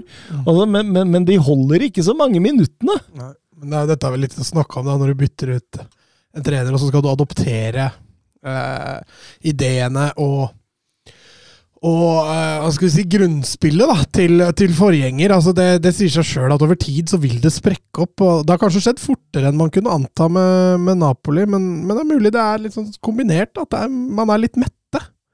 Og Rudi Garcia har vi jo håna før her, så ja. Ja, og jeg syns også Rudi Garcia gjør mye rart. Nok en gang så tar han av menn når de behøver mål. Han, han altså, når, når han også får eh, skade på Angissa etter en halvtime der med strekk, så setter han inn Raspadori. Mm. Eh, så, så, så, som på en måte ikke er noe toveisbalansespiller som er med på å liksom på en måte rydde sentralt i banen der. Og, og, og, og når han skal gjøre grep etter en time der, så, så plutselig så tar han av Politano, som var strålende, som var kanskje Napolis beste spiller, for Kajust. Åpenbart for å ha litt mer balanse igjen, for han forsto det at her kommer Fiorentina til å kjøre over. Men så, så tar det jo tre minutter, så setter Bonaventura 1-2. Mm. Og da er man jo i kjempeproblemer, for han har bytta det laget som faktisk var ganske bra tidlig i annen omgang, mer defensivt, og så skal man opp og jage, og så igjen. Og Simen ut. Nei, det der, der holder ikke, altså, Rudi Garcia. Det er rett og slett latterlig svakt in game management. Ja, det Tjenesteforsømmelse, nesten. Ja, det er, Det, det virker, altså Med et par av de grepene så virker det nesten som han ikke prøver. Ja. Det, at, at han ikke kjenner spillerne sine, hva, hva han har. Det virker, det virker som tull, liksom. Tull! Kødder du med oss? Ja, liksom? ja. Nei, jeg, jeg, jeg, jeg skjønner ingenting, og nå begynner jo også ryktene å komme om hans avgang. Det skal sies at uh, Gonzales ved navn Nicolas til fornavn satte 3-1 der på en overgang helt mot slutten, og, og Fiorentina vant dette ganske greit. Eh, Jonathan Hobber Rudi Garcia kan være på vei ut allerede. Sportslig ledelse i Napoli har hatt krisemøter med han og teamet hans. Har denne ansettelsen vært verre enn fryktet, og hvem bør dra skuta videre? Adrian Tømmernes spør også om Rudi Garcia erstatter. Ja, Det er, jo, det er jo en trener de har møtt eh, nå direkte på kamp. Eh, jeg, har, jeg har sett noen rykter rundt Graham Potter nå. Oi, Uh, det hadde vært spennende. Ja. Det hadde vært veldig spennende. Altså Potter til Napoli, liksom? ja, det er, noen rykter som florerer. Aner ikke hvor gode kilden er. Han har jo lykkes utafor England, han. Så, men eh, jeg tror ikke han kan flytende italiensk. Nei, men tenk hvor spennende med den filosofien med de spillere. Mm. Ja, det, Den er jeg litt eh, småfan av, men jeg er enda større fan av, av Italiano. Definitivt. Altså det, jeg føler, altså det, vi har jo sett den spillestilen. Det, det føler jeg bare er en perfekt fortsettelse Perfekt, da, men det er en god fortsettelse av det Spalletti har fått til forrige sesong. da. Mm. Uh, og det er i hvert fall en rød tråd. Helt, eh, helt klart. Jeg har en liten dark horse, da. Ja. Hansi Flick. ja, det er ikke umulig, det. Nei. Han har jo, han har jo vist seg til å være en uh, bedre klubbtrener enn uh, en landslagstrener. Og så er han jo han er jo grunnleggende offensiv, han òg. Så han er jo en, uh, en offensiv og aktiv spillestil. Mm. Vi skal ta med at Lazio vant en jevn og tett match mot Atalanta, og at Roma fikk eh, 1-4 i seier mot eh, Cagliari borte. Og når man begynner å snakke om at det nærmer seg slutten for Mourinho, så tar han sin tredje strake seier, og eh, Lukaku setter to. Belotti får et mål. Awar skårer mål. Eh, ja eh, Plutselig så ser det jo litt lysere ut i Roma igjen. da. Ja, de har vel kara seg topp ti nå, så de, de har begynt å, begynt å klatre litt. Eh, og også et overbevisende resultat eh, denne gangen, og, og Lukaku fortsetter. Så det er, det er mye å bygge videre på også på Roma. altså. Milos på Twitter spør er Tonali, Odoji og Vicario i ferd med å snu en trend. Det begynner å bli en god del år siden italienske spillere hevda seg utafor Italia, og de har nesten utelukkende kun levd opp til potensialet i hjemlig liga. Og ikke kom med Donnaroma, han har ikke levd opp til hypen, skriver han. Verratti, ja. Eh, Verratti har vel det. Verratti kan vi si. Ja, Jorginho til en viss grad også. Luca Tonio, kanskje? Ja, men da, da, da er vi allerede på en stund siden. Er Jorginho egentlig italiener? Er ikke han egentlig Jo, egentlig. Jo, jo. Ja, Men, Okay. Men, eh, men ja, han har jo et poeng her i den Ja, han har det. trenden. og jeg, jeg tror jo mye, mye henger litt sammen med at jeg, jeg, i hvert fall som jeg føler da, har Italia lykkes bedre de, de siste åra enn i perioden før med å utvikle unge, spennende spillere. At uh, ungdomsarbeidet virkelig har tatt et steg framover. At eh, jeg tenkte meg altså Hvis man ser på på, på, hvordan, på hva italienske lag kom i før. Det var gjerne gammel og var vanskelig for unge spillere å bryte inn i lagene, men nå, nå føler jeg at italienske unge spillere har fått flere muligheter uh, tidligere på toppnivå. Ravanelli, Middlesbrough. Vialli, Chelsea. Sola. Ja, men da, da, er vi, da er vi langt tilbake. Men da er vi langt tilbake dit, da. De kan jo! Kan vi ikke slenge med han òg? Jo da. Jo da. Han er kulthelt, i hvert fall. Ja. Nei, men uh, Hvorfor eh, Ja, nå, han satte oss litt på plass der. Altså, hvorfor, hvorfor, hvorfor? Ja, det er i hvert fall en trend som snur, for det er jo tre, tre spillere han nevner der som virkelig har tatt Premier League med storm og gjort sakene sine bra, så uh, vi får se om det fortsetter. det jeg, jeg, jeg tenker jo Italienske fotballspillere er veldig ofte ganske taktisk skolerte. Mm. De er godt skolerte, veldig sånn i ramma. Eh, mange ganger så blir du liksom kasta litt inn i det. Eh, flere og flere lag nå har på en måte en rød tråd, en klar plan, et bedre scouting-nettverk. Hva skal man, hva trenger man? Eh, man kjøper spillere til den posisjonen og de egenskapene. Mm. At det på en måte sitter litt bedre sånn sett. At det kan jeg nesten tenke meg. Ja, og så å tenke litt sånn italiensk klubbfotball òg. Altså på starten av 2000-tallet så så var jo italiensk fotball høyt oppe. De hadde jo lag i Champions League-finalen jevnlig. Det var ikke så mange som dro. Nei, det er nettopp det. Altså, du, du, du spilte i en av verdens beste ligaer, og, og, og lønningene da i Premier League var jo ikke der de var, er nå. I tillegg da etter at de vant VM i 06, var det, um, så hadde jo også italiensk fotball en down. Mm. Både med tanke på, på hva skal vi si, ikoner, men, men store navn og sånn, så, så det har sikkert en sammenheng. Og en liten calciopoli der oppi, oppi Ja, ja, det, det, hjelper, hele. det hjalp jo ikke. Vi går over til uh, Ligue Ø. sur la frappe de Messi de, De de Mercado, Mercado, oui. Mercado, et, et là aussi on a un petit peu de réussite. Griezmann sur l'appui, c'était bien joué avec Giroud. Oh, Sylvain Oh, Sylvain, il l'a vu Oui. Kylian Mbappé Kylian Mbappé, il l'a vu Ça fait 4 Et ça fait peut-être un quart de finale pour l'équipe de France 68e minute Oh, la joie collective parce qu'ils ont tous jailli du banc pour aller saluer cette passe décisive géniale de Giroud et ce doublé pour Kylian Mbappé Yes, eh, vi begynner med storkampen Rennes mot eh, Paris Saint-Germain. Det var et, et såra dyr der etter en skikkelig karamell på St. James' Park. Eh, Skulle bli en wake-up call, fordi de kommer ut herfra ganske bra. mm, Selv om renn står godt imot og, og, og vil ha sin del av spill her. Men så skal jeg være den første til å si nå jeg så denne på en meget dårlig stream. Eh, Jeg var inn og ut hele tida. Det var og, og, og jeg tenkte jo også, når jeg prøvde å sjekke høydepunkter for å få det jeg hadde sett bekrefta seinere, så var det så masse sånne rettighetsgreier. At jeg ikke var i det riktige landet for dere. Det, det virker som du prøver å bli sabotert for å se Ligue Ø. Ja, nei, det er ikke lett. Nei, det er ikke lett. Nei, nei, nei. Det er, eh, det er helt riktig. Men, eh, men etter en eh, sånn jevnspilt god halvtime, da, så, så, så setter jo Paris Saint-Germain to raske ved, ved Vitinha og Hakimi. Ja, Få en scoring den til, eh, den til Vitinha. Helt nydelig hvordan han skrur den i lengste kryss. mm. og, og da går Da gjør Genesio grep. Han går over til en klarere 4-3-3. Han flytter Rieder ned på midtbanen med Borrejø og, og Matic for å styrke det rommet foran stoppera, eh, som PSG hele tida brukte.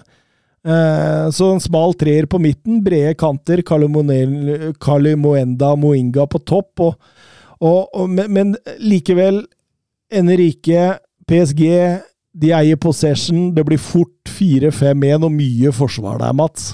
Ja, og det er jo det vi har snakka litt om med Luis Henrique nå, i forhold til det å kontrollere ballen. Eh, og, og når PSG i tillegg gjør det på en hva skal jeg si, en komfortabel ledelse, da, så PSG er ikke lett å ha med å gjøre i Frankrike. Nå fikk de, som du sier, en ordentlig nesestyver i, i Newcastle der, og, og møtte litt veggen der, men de slo jo fint tilbake igjen her, egentlig. Ja, ja, for all del. Og når denne overgangen kom, når Guiri sitter 1-2 der, og du, du føler det liksom er litt Litt håp, så tar det ikke lang tid før 1-3 sitter likevel. Nei, det, man bytter jo inn eh, Kolomoani omgående for, for Gonzalo Ramos, og nesten like omgående skårer jo Kolomoani. Og, og det er jo liksom det perfekte tidspunktet å skåre på, etter at du har fått en i sekken. For da, da, da tar du ut hele momentumet til motstanderlaget. Ja, Dreper, du dreper momentumet der. Absolutt, og, og de kontrollerer greit inn. eh, Er jo nærmere 1-4, egentlig. Mbappe har vel noen voldsomme sjanser der. Helt i målform, han! Den, den, den han bomma på når han uh, runder keeperen, setter han over. Det er veldig uvanlig. han har vel noen lagkamerater å skylde på etterpå, tenker jeg. Ja, ja. Virker ikke å være helt i form, han heller. Han gjør ikke det. Ehm, det var også Ja, det, det, det, det, NIS fortsetter sin fine form under Faraioli. Vinner 0-1 borte mot uh, Metz. Uh, Sterkt å henge med i toppen der. Og så var det jo toppoppgjør, da, mellom Will Still og Adi Hytter. Stadrem mot uh, Monaco i en, i en jevnspilt eh, kamp, eh, egentlig. Eh, men eh, Monaco vinner da 3-1 eh, og, og går inn i landslagspausen som league æ-ledere. og En god prestasjon, det, Mats. Det er jo et lag som ofte har vært litt slow starters. Ja da, Balagun skårer jo også mot sine fjorårets eh, lagkompiser. Hans og Monaco har fått en, fått en veldig god start. og Altså Det som er litt synd, da, er at de ikke har fått en liten luke til PSG, for PSG har trøbla litt. Men Mm. PSG er så nære at vi får se hvor lenge det blir spennende. Ben Jedder eh, skåret sitt 150. league Ø-mål, forresten. Eh, 63 for Toulouse og resterende 87 for Monaco. Um, Marseille og Gattuso 3-0 over Le Havre. En god match mot et svakt Le Havre-lag, men viktig for Gattuso å få den seieren nå, før landslagspausen. Han satt jo med ett tap og, og en uavgjort på de to første. En Aubameyang som sov, ja, og sov ganske frisk ut, faktisk. Ja, jeg tror kanskje ikke han turte noe annet. ja, kanskje, kanskje Gattuso skremmer han til å, til å eh. Og så har du Lyon, da, Mats. Ja, jeg syns synd på Der hadde de hele matchen i sin, eh, i sin hule hånd så lenge, og så Og så detter det sammen som et korthus. Altså leder 3-1 til pause og, og rakner i andre omgang. Og der, der ser du litt hva selvtillit og flyt og medgang har å si med, med fotballen. Og, nei, det ser ikke bra ut i Lyon, altså. Det gjør ikke det. Eh, siste kampen vi kan nevne, er Lans mot eh, Lill. Eh, det lille Derby i nord, eller Derby do Nord, tror jeg det, det, det kalles. Eh, eh, en av de tinga man bør gå og se hvis man er glad i tribuneliv og, og europeisk eh, toppfotball. Den ender 1-1. Eh, det var ikke sånn voldsom kamp på, på banen, men på tribunen, der var det gøy. Ja, Det pleier å være det. Det er litt sånn når du sitter og ser på tabellen i Ligue Ø. Det er litt sånn Stad Brest, Rem eh, Nis har jo ikke vært Ja, de er faktisk uh, ubeseira, de også, jeg. Så det er sju lag som er ubeseira. Det begynner å bli mange her. Du Det er bra det ikke ble quiz ut av det, i hvert fall. Ja, det, det var bra. Men eh, et lag som ikke har vunnet, det er Lyon som ligger helt på bunn, så det er litt sånn Ja, de har fått en veldig skeiv start, men det du også kan sammenligne, hvis du ser tabellene, da, så har man jo nå spilt eh, Spilt noenlunde like mange kamper, men det er liksom Både i Spania eh, og, og England så har jo serielederne passert 20 poeng. Og det, det er de ikke i, i Frankrike. Nei. Der er det jevnere. Er vi klar for en åtte-ti minutter med Tor Håkon? Det er vi alltid. Bra jobba, gutta! Bra ball! Ja, grei offside. Tor Håkon, den er grei. Tor Håkon! Nei, Tor Håkon, det var din egen skyld. Ikke bli sint for det, i hvert fall. da. Tor Håkon, ikke kjeft på dommeren, og ikke kjeft på dommeren. Tor Håkon, nå hører du på dommeren. Det er hver gang, altså. Hver gang. er der. Ja. Søren Døpker. Ja. Ajax. Bernt Olav Gjellegjerde Hansen han skriver her at Ronald Koeman sa i går at han var sjokkert over nivået til Ajax etter tapet mot Alkmaar i helgen. Er de i ferd med å miste seg selv? Hva må skje? Ja, og så han har grunn til å være sjokkert. Eh, fryktelig kamp av Ajax. Eh, taper 1-2.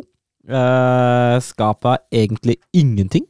Har en XG på 0,24, og jeg vil jo egentlig si at den sesongen her, de har allerede mistet seg sjøl. Altså, den kampen mot Valveig der de leder 3-2, uh, før den ble avbrutt, den regner man jo ikke med i statistikken nå, da. Men uh, de står altså med fem kamper i serien uten seier.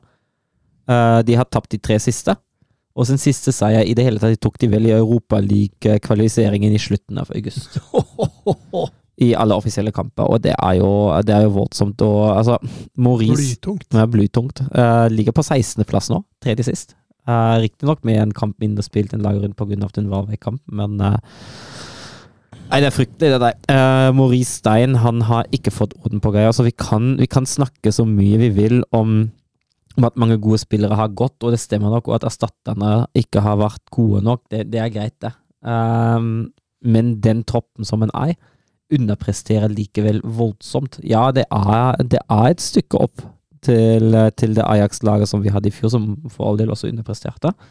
Eh, det er et stykke opp til kanskje altså Til i hvert fall gode europeiske lag, men kanskje også til, eh, til gode nederlandske lag. Men det er ingenting som tilsier at det skal gå såpass skeis. Men, men, men hvis du ser elveren deres nå Ja, altså, den er jo, den er jo langt, langt, langt unna. den, den, er, den, er. Ja, ja. den, er nesten litt sånn sjokkerende svak. Ja, enig, men samtidig, da. eh, Altså Det er, jo- det er gjort en dårlig jobb der, Ja. eh, altså etter at Edvin van der Saar kasta inn skøyta. Ja, ja, jeg er helt enig i det. Uh, Mislintat har hatt en dårlig, over, dårlig overgangsvindu, også delvis betinget av at den blir tvunget til å spare penger for all del. Um, men samtidig, da. Jeg har vært skeptisk til Maurice Stein uh, som, som trener. Han, uh, han har vært god i små klubber, men jeg følte Eller det jeg visste om ham, da, jeg følte at den at den ikke helt hadde den Ajax-stilen inne. Mm. Uh, og jeg føler egentlig vi ser det nå òg. Altså, det er ikke det samme Ajax som vi kjenner. Ikke det der dominerende Ajax som, uh, som går ut og spiller god angrepsfotball uh, og, og sturer og alt det der. Jeg syns vi er langt, langt unna det, den spillestilen som Ajax kan forvente av seg sjøl. nei, jeg, jeg, jeg er usikker på Altså, det, det er mye som må skje der. Den klubben har den klubben har brutt seg ned ganske godt sjøl. først ved å hente Schroeder, så vi å gå til Heitinga, så ved et dårlig overgangsvindu. og Muligens med enda en feilansettelse på, på trenerposten. Vi har ikke helt fasit i hånda enda, uh, men Begynte den nedturen og overmarsj viste, viste loffen til klubbansatte kvinnelige Første tegn på Første tegn på nedtur. Nå går det. Ja, fordi det har jo vært omstrukturering eh, rundt om i klubben vår, men altså, jeg, jeg syns jo at nedturen begynte eh, da Erik Ten Hag dro. Uh, og Ikke noe overmarsj til loffen. Ja, jo, det kan jo Men altså, rent sportslig, da. Uh, og så- er jo litt av, litt av problemet da at jeg føler at Ajax har gått litt, litt på akkord med seg sjøl. ved, å, ved å forlate litt sin filosofi, med å, med å, hente, med å hente ting Altså, Schroeder jeg ser ikke hva som kvalifiserte ham til å bli Ajax-trener i det hele tatt. Jeg ser ikke hva som egentlig kvalifiserer Maurice Stein. og Særlig med Stein som vi ser i dag, kan man si at han i hvert fall prøvde å spille den der Ajax-fotballen. da. Uh, selv om det ikke var en overraskelse at det ikke gikk, men Maurice Stein altså Jeg føler at den i de andre klubbene jeg har vært i, har vært så langt unna den der klassiske Ajax-stilen at det, det nesten måtte bli krasj. Jeg har et tips til Ajax. Arne Slott. Ja, Om han da går til Ajax, det spørs det. Vi får se. Det er, det er jo Altså, det er jo stort, da. Altså, altså, altså, hvis jeg hadde vært eh, fotballtrener på, på eliteserienivå i Norge, liksom, det er jo ingenting jeg hadde digga mer enn å ta over Rosenborg. Jo, jeg ser den. Men eh, altså, men samtidig Hvis du hadde vært trener for Lillestrøm, da. Eh, Ja, men, men, men tenk den oppsiden, da.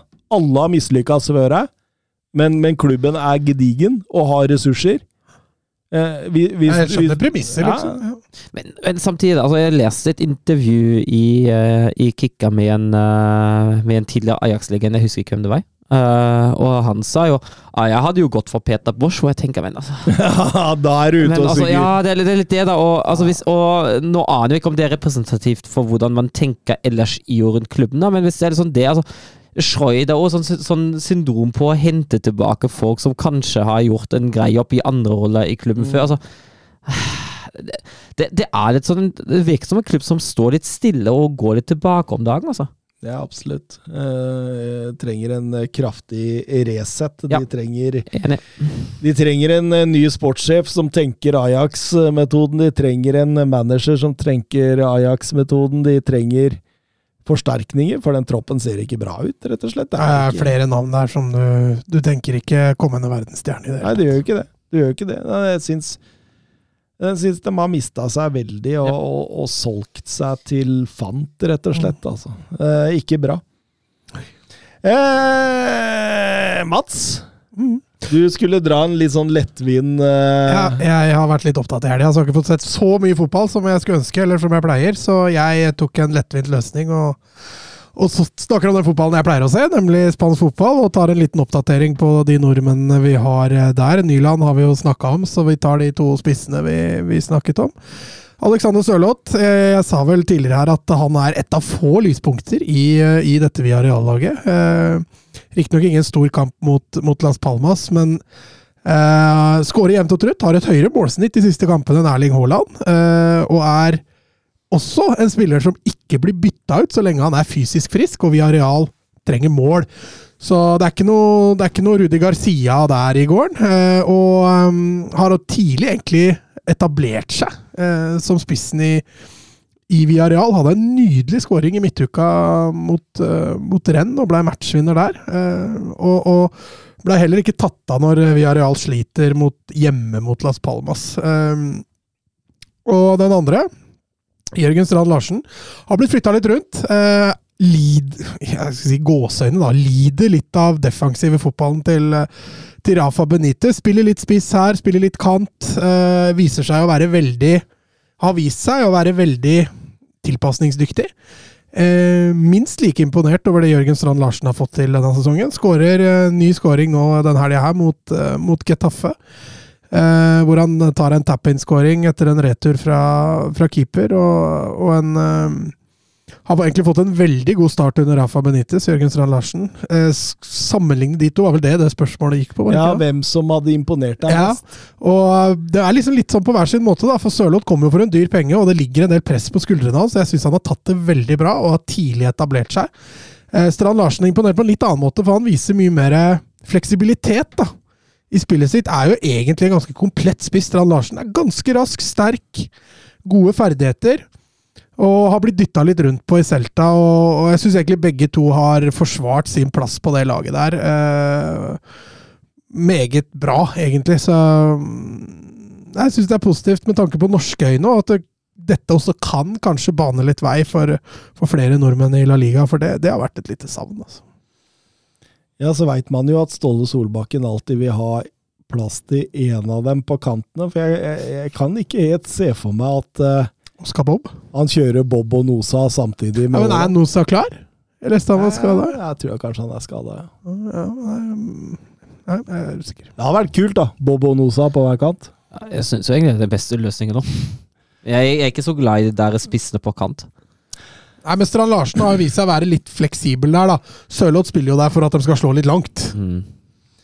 Ja, nei, vi kan ta en liten oppdatering eh, på Liga NOS, eller Liga Portugal også. Benfica spilte borte mot Estoril. Eh, Kasper Tengstedt, en sjelden sjanse på topp. eh, Hadde tidenes sjanse også, etter 23 minutter alene mot karene i Estoril-målet, men han setter den utafor. Benfica kjører kampen, har såpass mange sjanser at de bør lede inn til pause, men Estoril holder inn. og og, og ut fra pause igjen, så er Storil faktisk eh, best. eh, Har faktisk et par kjempekjanser der. eh, Heri Taveres blant annet smeller en ball på innsida av stolpen. og Det er et Benfica-lag som sliter med å komme i gang med spillet sitt. Sliter med å, og, å, å virkelig styre dette her. Og, og, og, eh, men, men sånn sakte, men sikkert tar de litt over igjen, uten å, å imponere voldsomt. Eh, Ser lenge ut til å ebbe ut eh, med 0-0. og når man egentlig har slått seg til ro med at dette blir en relativt tafatt 0-0-kamp, så, så stiger Antonio Silva til værs på en corner. Eller det vil si Petar Musa som vinner den inn i feltet og header den ned til, eh, til Silva som stupheader. Ja, det var jævla funny. Stupheader ballen i mål. Eh, litt sånn gøy også at han bruker hodet og ikke beina der, fordi 99 andre fotball, og 100 andre fotballspillere brukt beina der, altså. Men, eh, men, men det blei kult mål, og man går da til ville jubelscener, eh, og, og, og man har klart å dra i land en ny seier. Det er tross en litt sånn tung, trist kamp. Eh, Nå vinner eh, både Draga, Porto og Braga, Porto og, og Sporting sine kamper. Riktignok sleit alle. Så det, så, så det var litt sånn eh, laber runde for de store laga i Liga oss, men eh, stillingen da er akkurat den samme, med Sporting på topp, ett poeng foran Benfica, som igjen leder foran Porto og Braga. Så de, de fire store nå har tatt de fire store første plassene, og det Sånn sett er det greit eh, der. Eh, Anders Hansen, i hvor stor grad misunner Søren meg for å slippe VAR neste sesong? Nei, det er ikke noe, det er ikke noe hvis, hvis Sandefjord skulle rykke ned. Uh, det er jo deilig å se varfri fotball. Um, men et nedrykk, det, det, det er jo alltid dritkjipt. Uh, så jeg håper heller at uh, man får fjernet VAR i Eliteserien og kan nyte VAR-fri fotball på absolutt alle nivåer i Norge. Ja, men den bruker jo ikke VAR lenger, så Det er knapt nok sånn at han brukes lenger der nå. Det er veldig, Ja, veldig bare, bare, avskaffe den helt. Det er fint, det. Sånn som han har vært i Norge. Det er drit i det, ass! Uff a meg. Skal vi si ha det? Ha det Snakes. Messi.